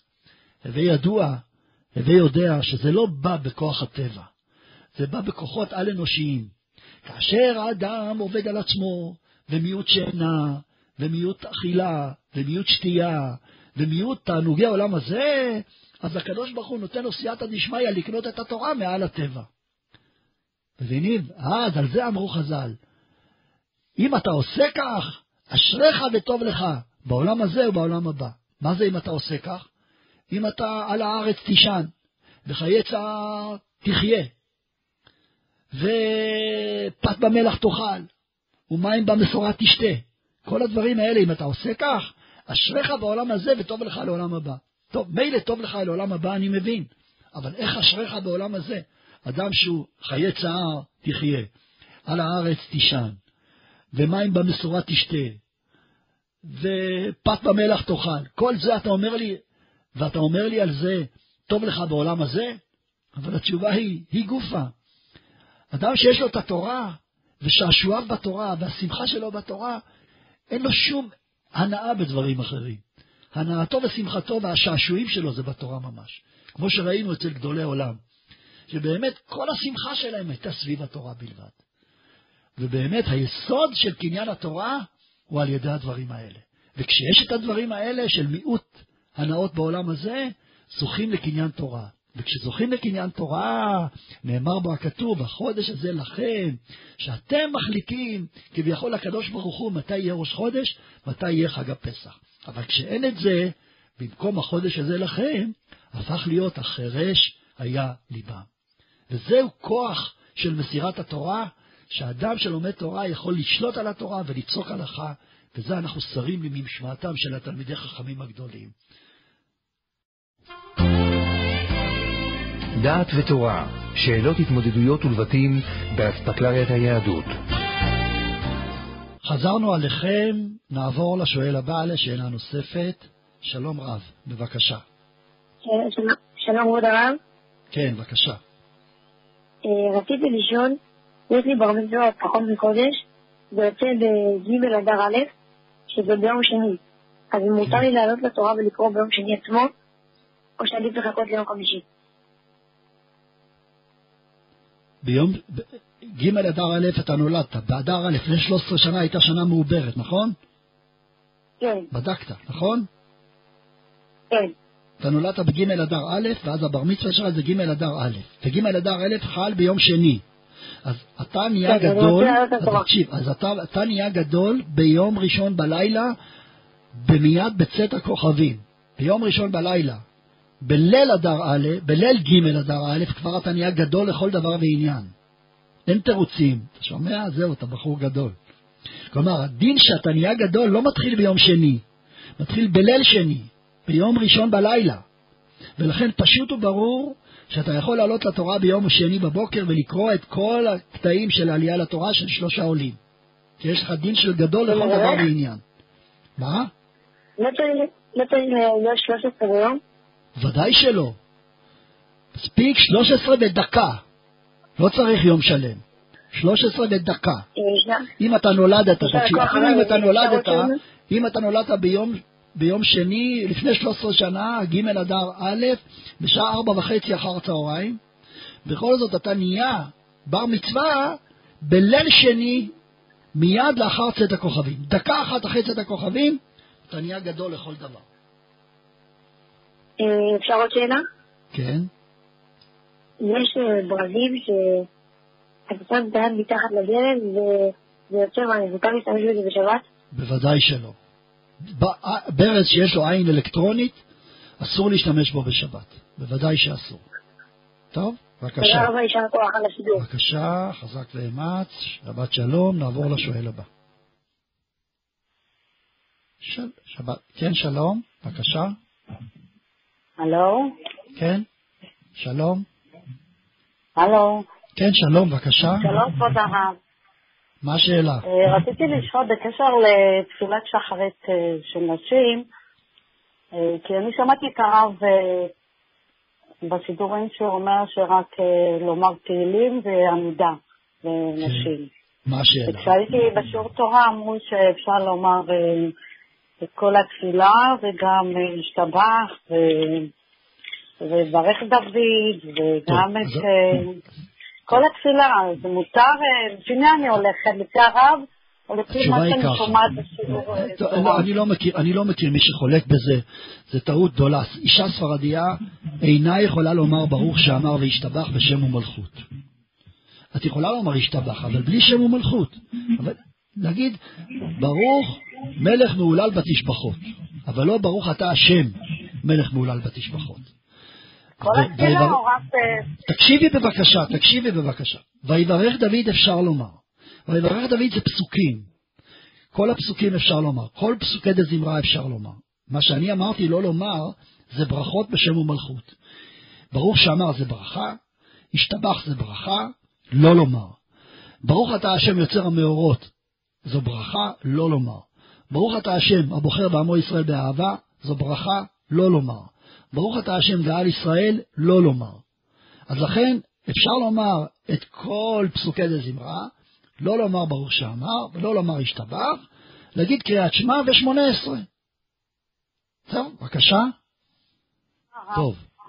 אתה מתכוון לא לומר את שם השם? כן, אני דיברתי דברים ברורים, כן, לא לומר שם, לא לומר שם ומלכות, לזה אני מתכוון, אני אמרתי את זה גם, לא התכוונתי, אמרתי את זה, לא לומר שם ומלכות. אם את רוצה לומר השתבח, אפשר, אבל בלי שם ומלכות, אבל אני לא ממליץ, כי את תסתבכי עם זה. טוב? דוד. אבל אמרתי, אמרתי, להגיד ויברך דוד, למה את לא מקשיבה לי? יש בינינו חוסר תקשורת. תקשיבי בבקשה. ברור שאמר לא אומרים, השתבח לא אומרים, כל פסוקי דזמרה לומר, פסוק- ויברך דוד לומר, כי זה פסוקים. טוב, תודה רבה, שבת שלום. נעבור לשואל הבא. שלום הרב. כן, בבקשה, שלום. שומעים אותי? כן, כן, בבקשה. כן, אה, רציתי לשאול שלוש שאלות. א', יש לנו שבת חתן של אחי השבת, ורציתי לדעת אם אומרים צדקתך כשהוא נמצא איתנו, כי ראיתי בזה הרבה דעות. טוב, התשובה היא, יותר טוב לא להגיד. יש בזה מחלוקת, אכן, יש בזה מחלוקת, כי יש אומרים שכל מה שלא אומרים צדקתך זה רק כאשר זה היום, היום גורם. אבל כאשר האדם גורם, כמו ברית וחתונה, זה לא נאמר. להלכה ולמעשה יש לנו עדות ברורה מהרב עליו השלום, שלא אמר צדקתך גם כשהיה חתן, גם כשהיה בעל ברית, ולכן המנהג לא להגיד. בבקשה. על אף שבילקוט יוסף ראיתי שכן הוא אומר לומר. טוב, בסדר, אני מבין. יש לי, אני אומר שוב, יש לנו עדות מהרב, ולכן זו מחלוקת, בהלכה למעשה, יותר טוב לא להגיד. בבקשה. הבנתי. אה, ש- שאלה שנייה הרב, האם אה, אדם שלוקח שתי פרוסות לחם ולוקח רק את האמצע מתוכם, ממלא את זה בשוקולד, מצפה את זה בציפוי של ביצה, ואז ציפוי של שניצל ומטגן את זה. האם מברכים על זה מזונות, או שזה עד מוציא לחם מן הארץ? התשובה היא ככה, אם אין, אם אין בחתיכות כזית, כל החתיכות, האם, קודם כל נתחיל, אם יש כזית בחתיכות צריך לברך על זה המוציא. אה, רגע, אתה מטגן את זה, מטגן גם, שמן עמוק. לוקח בשמן רק עמוק. את האמצע של הלחם. הבנתי, לא משנה. הבנתי, הבנתי, הבנתי הכל. אתה מטגן בשמן עמוק. אז התשובה היא ככה, אם יש בזה כזית, ברכתו המוציא. אם אין בזה כזית, ברכתו מזונות. זאת התשובה. עכשיו, כדי. להגדיר כזית, אם יש לי כמה חלקים שהדבקתי אותם על ידי ההדבקה זה נהיה כזית, זה לא נקרא כזית. כדי להגדיר כזית צריך שבאופן טבעי, גם בלי ההדבקה יש בו כזית. מה שבדרך כלל לא מצוי. בדרך כלל אני מתאר לעצמי שאתה לוקח חתיכות קטנות של הלחם ומצפה אותו, אבל לא לוקח חתיכה אחת שיש בה כזית. מבין? כן, הבנתי. ושאלה שלישית הרב, אמ, לגבי שבת לפעמים אה, הברז הוא קר, ואנחנו רוצים להוסיף אה, מים מהמחם לנטלה של המים. עכשיו אני יודע שהטאטאה גבר, ככה זכור לי, אז אה, אני מוסיף מים מהמחם לתוך המים הקרים שבנטלה. השאלה שלי, האם זה לא נקרא שאני משתמש במים ש... שעשו בהם שימוש, פעולה, שחיממו את המים, וממילא זה יהיה אסור אולי ב... ליטול בזה ידיים. לא, לא, לא. מים שחיממו אותם לא נקרא שעשו בהם פעולה, עשו בהם פעולה, הכוונה, כותב הרמב"ם, שנעשו כשופכים, שעשו בהם שימוש. מים שחיממו אותם לא נעשו בהם שימוש. אתה יודע מה, בוא נשאל שאלה כזו, אם לקחת מים ובישלת ביצים קשות, יש מקום להגיד שזה נקרא מים שעשו בהם פעולה. כי המים האלה הפכו להיות אובייקט של בישול. אבל המים שחיממו אותם כדי לשתות אותם, זה לא נקרא כשופכים, הפוך. זה מים יקרים, חשובים. לא השתמשת בהם, אתה לא עושה בהם מלאכה. טוב, הבנתי. בבקשה. בסדר גמור, תודה רבה. שבת שלום. נעבור לשואל הבא. הלו, שלום רב, בבקשה. שלום וברכה כבוד הרב. אה, רציתי להגיד נקודה מאוד מאוד חשובה, שמאוד מאוד מאוד אה, אנחנו רואים את זה אצל הרב, ואני באופן אישי מאוד מאוד רוצה להודות לרב על נקודה מסוימת, ברשות הרב אני רוצה להגיד אותה. הרב אומר דעת ותורה, ומיד אומר חזרנו לתוכנית, נעבור ל... כי באמת התוכנית בעיקרה היא שאלות ותשובות. אבל אני רוצה לומר לך הרב, שכל מה שאתה מעביר בכל השנים, אתה מעביר דעת תורה צרופה. אני הקטן, כן, מי אני, אבל בכל זאת, אני חשוב לי להגיד את זה, מכיוון שבפרשה ראינו שהחושך הכי גדול, האדמו"ר מגור כותב, שלא ראו איש את אחיו. וכל כך אני מתפעל עם כבודו כל הזמן, איך הוא מתייחס לילדים קטנים, איך הוא מתייחס לאדם שלא עלה שבוע, שנה לזה כמו שהיה היום. והרב עושה דברים כל כך עצומים וגדולים, ו...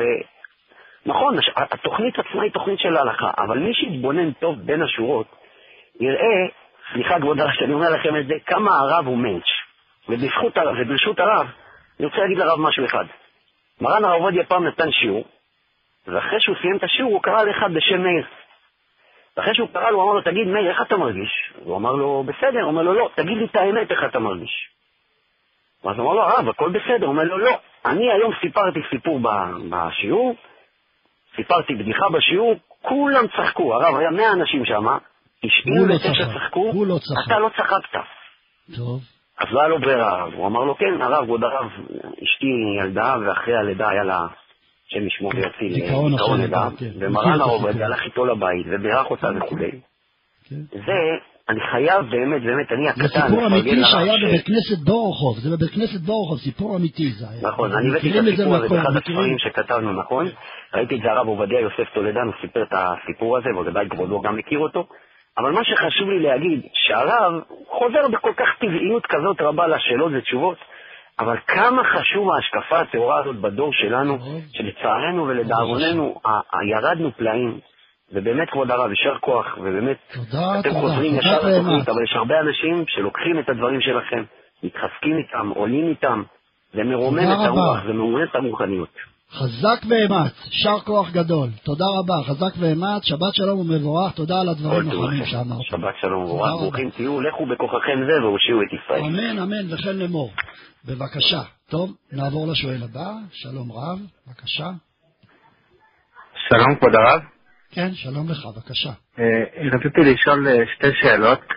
שאלה אחת, אה, שבת שעברה, התינוק קטן בגיל שנה, היה לו סוודר עם כפתורים על הכתף, והשערות שלו התלטפו סביב אחד הכפתורים. והתלבטנו מה אפשר לעשות במצב כזה, כי זה כמעט בלתי אפשרי לשחרר את זה בלי, לגזור. בלי לתלוש, מה הדרך הכי נכונה לעשות. הסתפקתם האם מותר לגזור את ה- את השיער. לנסות. לשחרר את זה, ומן הסתם יתלשו שערות. אה, זאת אומרת ככה לעשות. אז התשובה היא מותר. מותר, אני אסביר למה. כי אתה לא מתכוון לתלוש, אתה מתכוון לשחרר. ודרך אגב, אתה גם תולש, אולי תולש. אתה אמרת, מן הסתם אמרת. אז זה נקרא אינו מתכוון, אינו מתכוון. וזה פסיק רשע, וזה איסור דה רבנן. למה? תלישת שיער ביד היא דה רבנן, היא לא דאורייתא. רק במספריים היא דאורייתא. וגם זה קלקול, אני בטוח שהשיער הזה שהורדתם לו זה קלקול, זה לא נוח, אתם לא אוהבים את זה שיהיה לו פתאום אה, דלדול בשיער במקום ההוא, נכון? זה קלקול, זה לא, זה לא תיקון, זה לא יפה, בוא נגיד ככה, זה לא עושה לו תספורת יפה, נכון? אז יש פה גם מקלקל, יש פה גם מקלקל, ויש פה גם שלא כדרך גזירה, כי אתה עושה שלא בכלי, אלא בידיים, וגם לא מתכוון, ופסיק רשע דרבנן, ופסיק רשע דלני חלק, אתה לא רוצה להוציא את השיער. אז דרבנן מותר. תשובה, וגם יש לנו דבר הכי חשוב, ילד קטן, הוא נידון כחולה. צורך גדול, ודאי שאפשר להתיר. השאלה תודה רבה, שאני. חשבתי שיש פה שאלה, מה קורה אם לא הצלחתם ביד, וצריך להביא מספריים ולגזור. אין ברירה, השיער התקרבל בתוך הכפתור, ואין מה שעשינו לא מצליחים. הילד צורח, צורח, צורח. הפתרון הוא להביא מספריים ולגזור את קבוצת השיער הזו שנמצאת סביב הכפתור. האם מותר או אסור? פה כבר אין לנו את ההיתר שהוא עושה את זה בידיים, הוא עושה את זה בכלי. אבל האמת, שגם במספריים זה קלקול. כי, כי בוודאי אני לא רוצה לעשות לו חור בתוך התספורת. אז התשובה היא, במקום שהילד צורח, מותר גם במספריים. למה? זה מקלקל, מקלקל זה דרבנן, זה, פס... ואני, זה קלקול כזה לצורך תינוק שצועק, יידון כחולה, במקום שאין ברירה, מותר לעשות. ואפילו שפה אי אפשר להגיד שזה לא מתכוון, כי הוא מתכוון, הוא הרי גוזר בידיים. אבל כיוון שקלקול הוא דרבנן, הרב עצמו כותב, במקום צורך גדול, כשאין ברירה אחרת, מותר לעשות לחולה שאין בו סכנה מלאכה דרבנן כשאין ברירה אחרת. כך כותב הרב. וזה מלאכה דרבנן כשאין ברירה אחרת, הילד צועק, צועק, צועק, מה, אנחנו לא נשאיר אותו לבכות, מותר להביא מספריים ולגזור. טוב, בבקשה. אוקיי, תודה רבה הרב. אפשר עוד שאלה? כן. לגבי אה, גילוי שיער באישה אה, ששמה מטפחת ורוצה להשאיר אה, קצת שיראו את השערות. אז הרב עובדיה מתיר אה, שתי, שתי אצבעות. שמעתי בשם הרב ששתי אצבעות זה במצטבר. זאת אומרת, אם נגיד זה 4 סנטימטר, אז זה מצטבר סביב כל הראש. זה נכון? כן. הבנתי, וזה, וזה השיעור הזה לפי 4 בתשובה של סנטימטר. אם תסתכל טוב בתשובה של הרב, אני חוזר, אם תסתכל טוב בתשובה של הרב ביביע עומר, קודם כל הוא אומר שלגלות שתי, שתי אצבעות זה במקרה צורך, יותר טוב לא. אם תסתכל טוב תראה שהרב כותב שיותר טוב לא לגלות.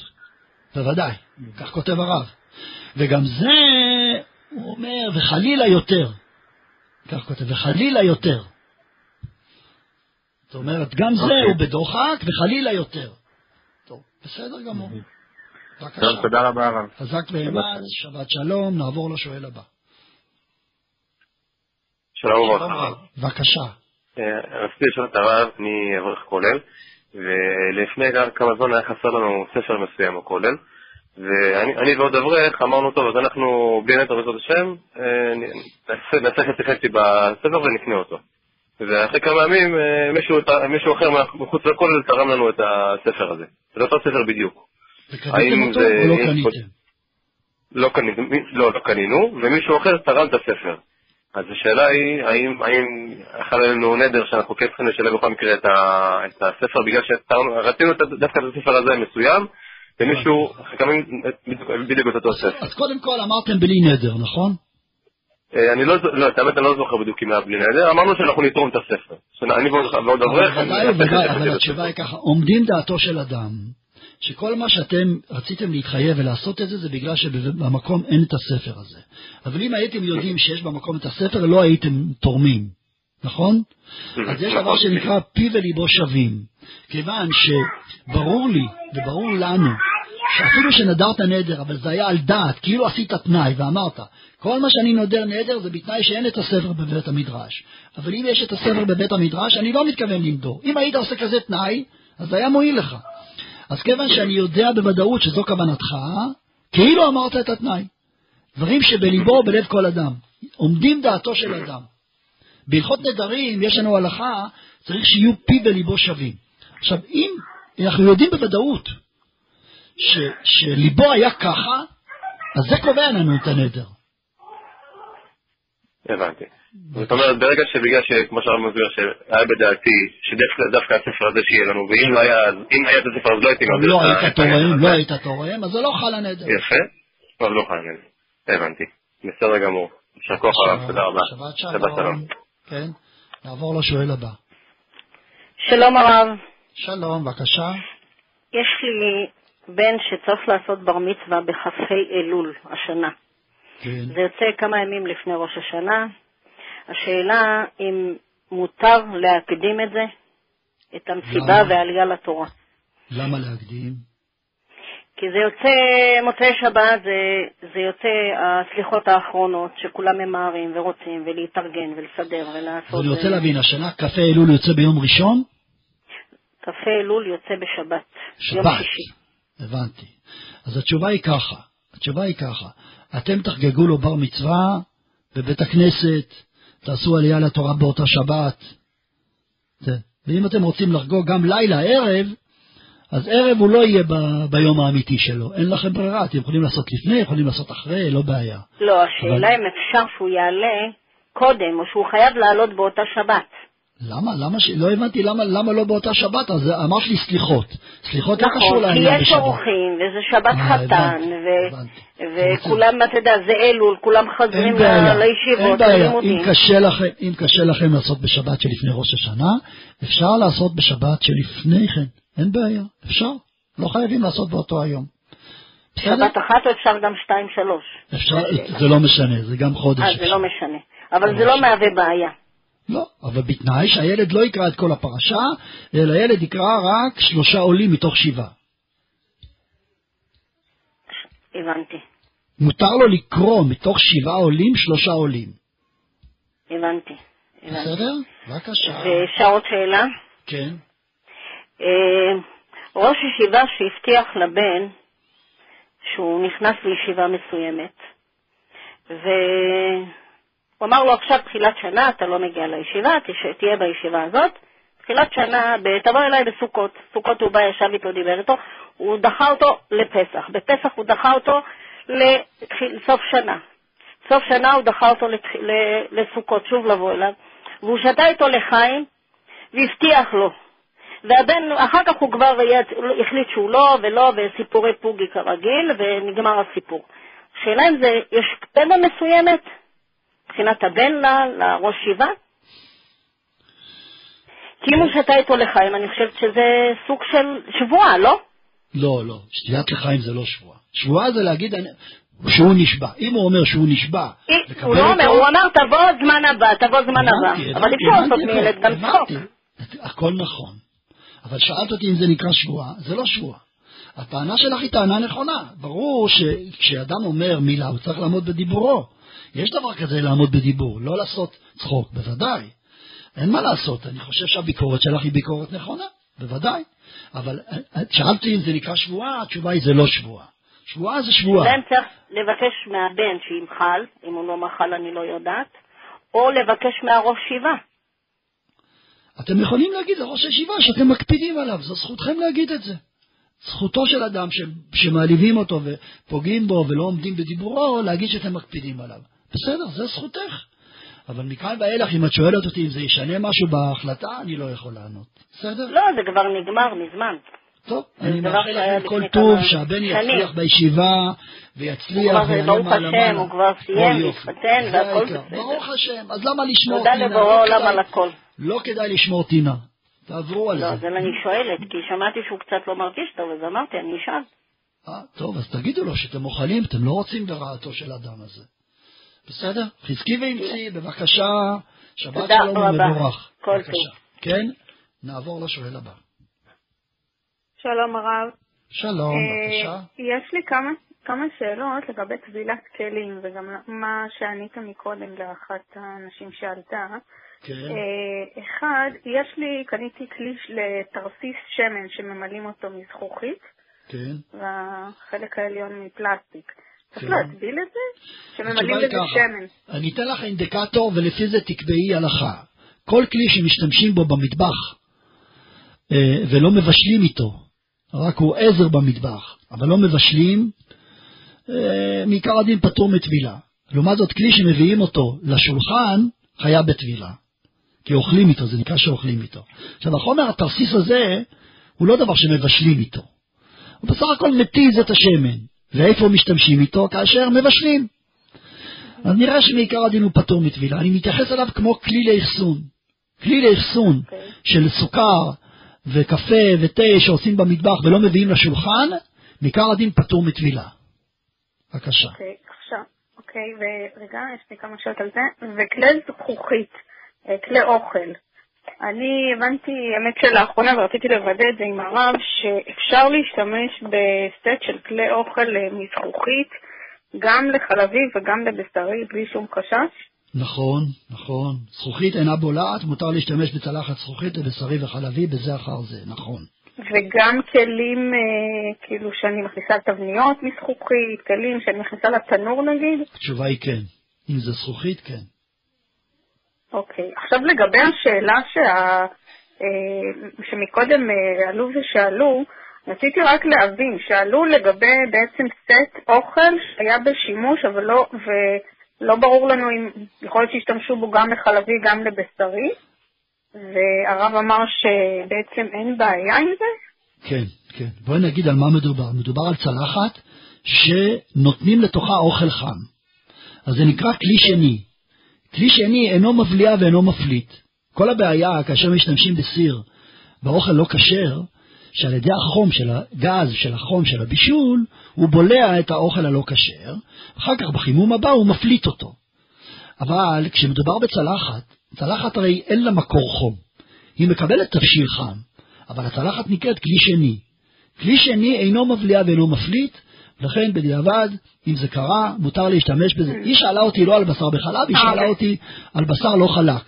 בסדר, אפשר להקל אה, גם לא בב- חלק, זה אותו אה, דבר, זה אותו דבר. גם לגבי בשר אז אם בחלב. יש לי אה, קעריות מחרס, שאני השתמשתי בהן למרק שהוא היה בו חמאה גם מעורבת, מרק בשר. ששמתי שם גם חמאה. ומה עשית בקערית הזו? אה, אה, אה, אני, עכשיו אני הם רק חל... לא, חיממת? מזגתי לא, מרק. מזגת לה קערית מחרס, כן? בדיוק, כן. כן. כן. קעריות אישיות. אז, כן. אז עכשיו הם חל... אני התייחסתי אליהם כחלביות, גמורות. יש עם זה בעיה? למשל, אה, אם אני צריכה ואני שמה באיזה מרק שהוא פרווה? לא, אין שום בעיה.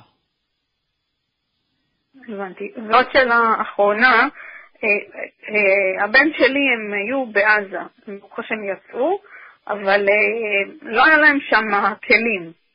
והם מצאו שם אורז, סגור בסכין, והשתמשו שם ב- בכלים, ב- באיזה אחד הסירים או משהו כזה, ובישלו. השאלה... שאלה- שאלה- אה, זה שאלה, שאלה שאלה שחזרה. על עצמה. כן, כן, השאלה הזאת אוקיי, נשאלתי אני לא השבוע. גם כן מתלמיד שלנו בכולל, שאחיו משרת בעזה, בדיוק אותה שאלה, אולי זה אפילו מדובר בכם. אז עכשיו, התשובה זה לא שלא היה להם, לא, אני לא שאלתי, אבל זה לא שלא היה להם אוכל. היה אוכל, אבל אתה יודע, את המנות קרב האלה. כן, כן, אה, מנות זאת קרב. בשבילם אורז זה היה עולם ומלואו שם, הם היו כן, שם כן, חודשיים. כל זה אמר לי החייל.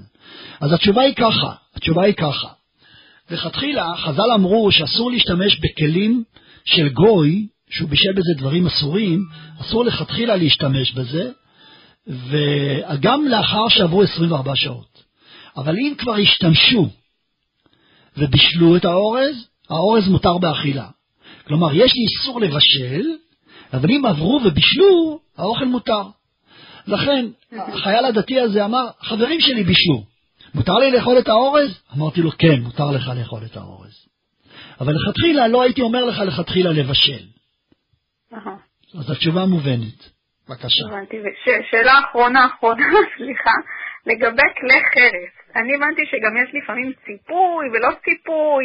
השאלה אם אפשר להגיד שכל הכלי קרמיקות וכל אלה שמוכרים היום, אם צריך להטביל אותם, או שזה התשובה היא, אפשר? לומר בוודאות גמורה, הלכה למעשה, וכך אני נוהג, כל הכלי חרס שיש להם, אפילו שיש להם ציפוי, זה לא ציפוי מזכוכית, זה סוג מסוים של ציפוי של החרס עצמו, שהוא בטמפרטורה גבוהה יותר מהחרס בפנים. זאת אומרת, הכלי חרס הפנימי הוא בטמפרטורה נמוכה יותר. הציפוי, מבשלים את החרס בטמפרטורה גבוהה יותר, ואז נוצר חרס חלק. אבל זה גם חרס, אני מדגיש, זה גם חרס.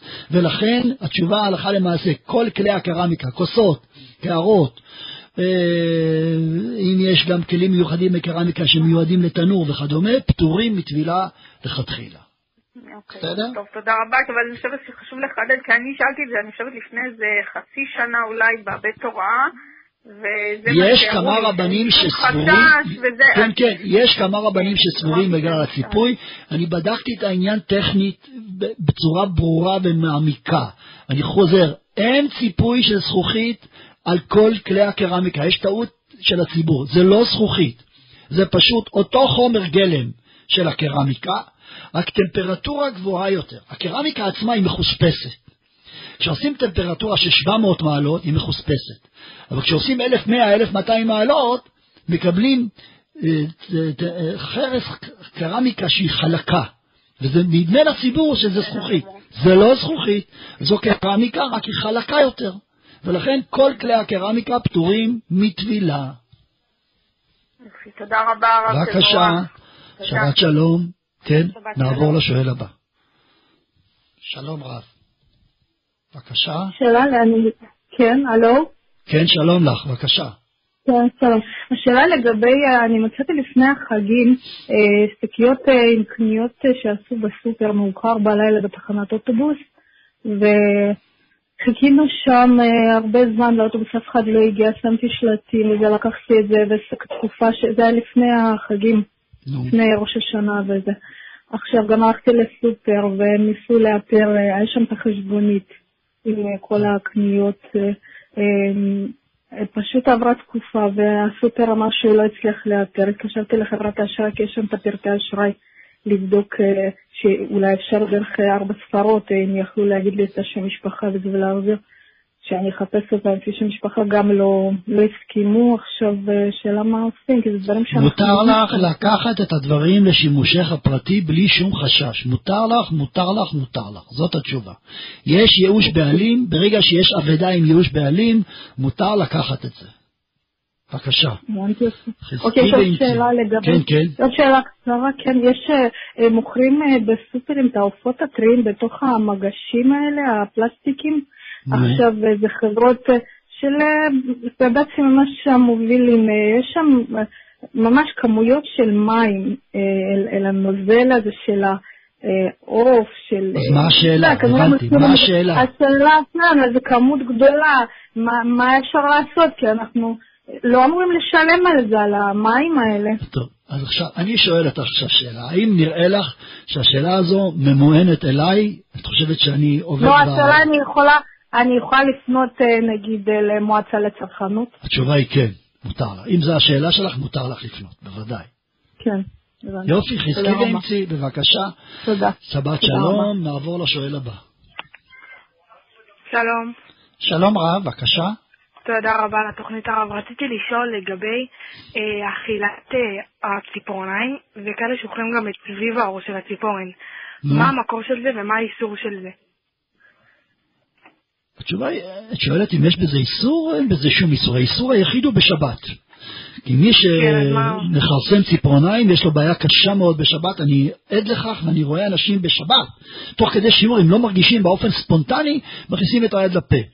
וזה דבר חמור. כשעושים את זה בשיניים, זה דבר חמור מאוד. אה, הציפורניים זה איסור דה רבנן, אבל הבשר שסביב הציפורניים, יש אומרים שאם אדם עושה בשיניים, זה איסור תורה. זה- והאכילה של האור של השפתיים שמתקלף. הלו. התשובה היא, אם יש בשפתיים אור שמתקלף, גם כן, זה מאוד קשה, אני מכיר את הבעיה הזו. אסור לקלף את זה בשום פנים ואופן, ואם הוא מקלף את זה בשיניים, חוששני שזה איסור דאורייתא. ולמה דאורייתא? אני אסביר, כי המשנה ברורה כותב, כי דבר שנוהגים להוציא אותו במספריים, אז אם הוא עושה בשיניים, אין פה איסור תורה, זה רק איסור דרבנן. עכשיו, אני שואל אותך, כשיש חתיכת בשר ב, בשפה, האם הדרך לחתוך אותה ב, במספריים או בשיניים? בוודאי שבשיניים. למה? מספריים יכולות לחבל, אבל השיניים, אדם נזהר. כשאדם נזהר בשיניים של עצמו חותך את אותה חתיכת אור מדלדלת בש- בשפתיים, הוא לא גורם שום נזק. אז אם זה הדרך, אם זו הדרך, כן זה איסור דאורייתא. לכן זו ניסיון, זה ניסיון קשה, לכן מי שיש לו דלדולי בשר באזור השפתיים, באזור הציפורניים, צריך להימנע מלחתוך את זה בכל השבת עד מוצאי שבת. צריך להימנע ולהתאפק, וכך בשמירת השבת הקדוש ברוך הוא ימנע ממנו ניסיונות. אני אפילו מציע שיכול לקחת פלסטר, אגד מידבק, להדביק את האור המדלדל סביב הציפורן כדי שלא יכרות את זה בשבת. מותר לחתוך אגד מידבק בשביל זה. בבקשה. אוקיי, טוב. אפשר עוד שאלה? כן. אה, לגבי לק ג'ל, זה נקרא חציצה עד שממלאים את החלק החסר, או מה, מה, מה הלכה בזה? עוד פעם, תחזרי, עוד פעם. לק ג'ל, כן, לק שעורכים ג'ל, אותו מה השאלה? מה השאלה? זה, זה נקרא חציצה לעניין שגוזרים את הציפורן? התשובה היא פשוטה מאוד. הלק ג'ל שהוא שלם, הוא לא מהווה חציצה. לא לטבילה ולא לנטילת ידיים. אבל כאשר הוא מבוקע והוא נשבר, נשים, אני יודע שנשים מקפידות להסיר לק ג'ל כשהוא שבור וסדוק. אז אפילו אם תאמר אישה, אני לא מקפידה, חז"ל אומרים שבטלה דעתה אצל כל אדם. הולכים לפי רוב הנשים. וכיוון שלאחר שבדיקה בלתי מייצגת שאני עושה בשיעורים, מתברר לי שאני חושב שנשים כן מקפידות על זה, לכן אפילו אם תבוא אישה ותאמר שהיא לא מקפידה, לא, מחש... לא מתחשבים בדעתה. ויש פה חשש אמיתי של חציצה. ולכן אישה שמורחת ג'ל לק על, הס- על, ה- על הציפורניים צריכה לדעת שהיא יכולה ליטול ידיים בברכה רק כאשר הג'ל הוא שלם. אבל כאשר הג'ל סדוק, שבור, היא לא יכולה ליטול ידיים בברכה ויש פה חשש ברכה לבטלה. טוב? אוקיי. תודה תודה רבה. רבה, שבת שלום. שבת שלום. טוב, ביקשו מאוד להזכיר לרפואה שלמה את, ה, את, ה, את האדם ורבי יחזקאל בן מרסל, שהקדוש ברוך הוא ירפא אותו רפואה שלמה, וכן רבי מיכאל בן סולטנה, שהקדוש ברוך הוא ירפא אותו רפואה שלמה, אין נרפנה להם, אין נרפנה להם, וכן יהי רצון ונאמר אמן. בבקשה, נעבור לשואל הבא. הלו, שלום. שלום רציתי לשאול,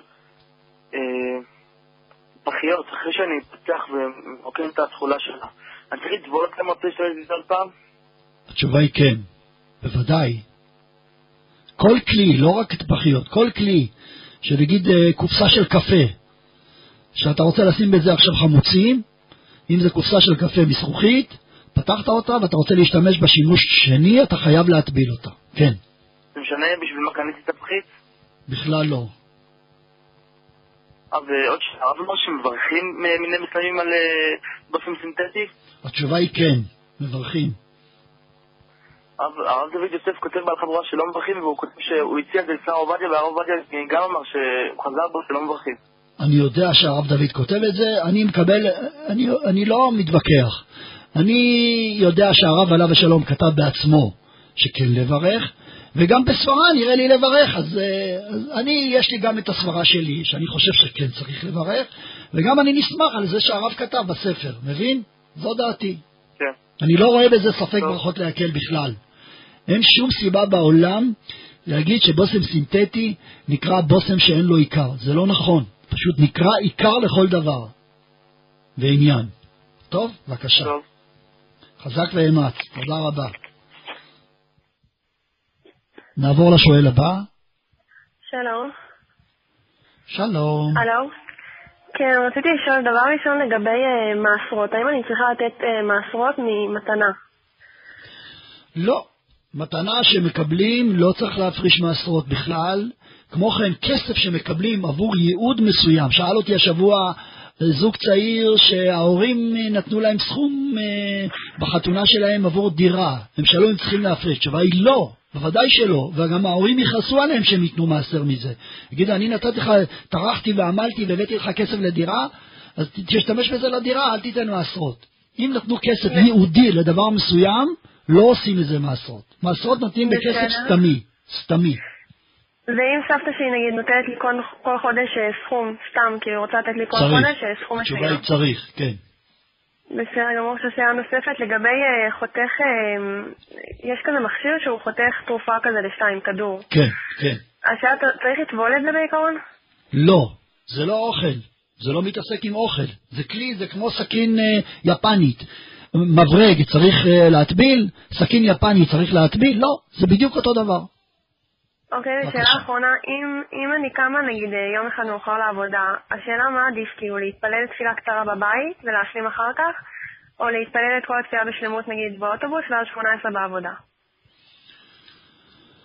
אני אשכנזייה זה... התשובה היא, אם את מקפידה לעשות 18 בעבודה, אז תעשי 18 בעבודה, כי זה העיקר ההקפדה באוטובוס. אי אפשר להתפלל 18, זה לא נחשב, צריך לעמוד, תעשי את זה באוטובוס, בעבודה. ושאר התפילה, את יכולה להגיד באוטובוס שזה ברור שאמר עם, שם המלכות, את אשכנזייה, את אומרת ברור שאמר עם שם המלכות, את אומרת תשתבח עם שם המלכות, זה אפשר להגיד באוטובוס. וגם, וגם ברכות קריאת שמע את יכולה עם שם המלכות, כפי מנהגך. אבל 18 בוודאי שלא באוטובוס. טוב? זה עדיף מתפילה קצרה, נכון? כן, כן, בוודאי. יש בזה מעלה גדולה. תזכירי אמצי, בבקשה, שבת שלום. טוב, אנחנו מסיימים פה את התוכנית, אני אודה למפיק לטכנאי, אני מודה לכם על ההאזנה, בעזרת השם ניפגש שוב ביום ראשון בתוכנית שיחת חולין, ובשבוע הבא ביום שישי, כדרכנו בקודש, ביום שישי בין 12 ל-2, שבת שלום ומבורך.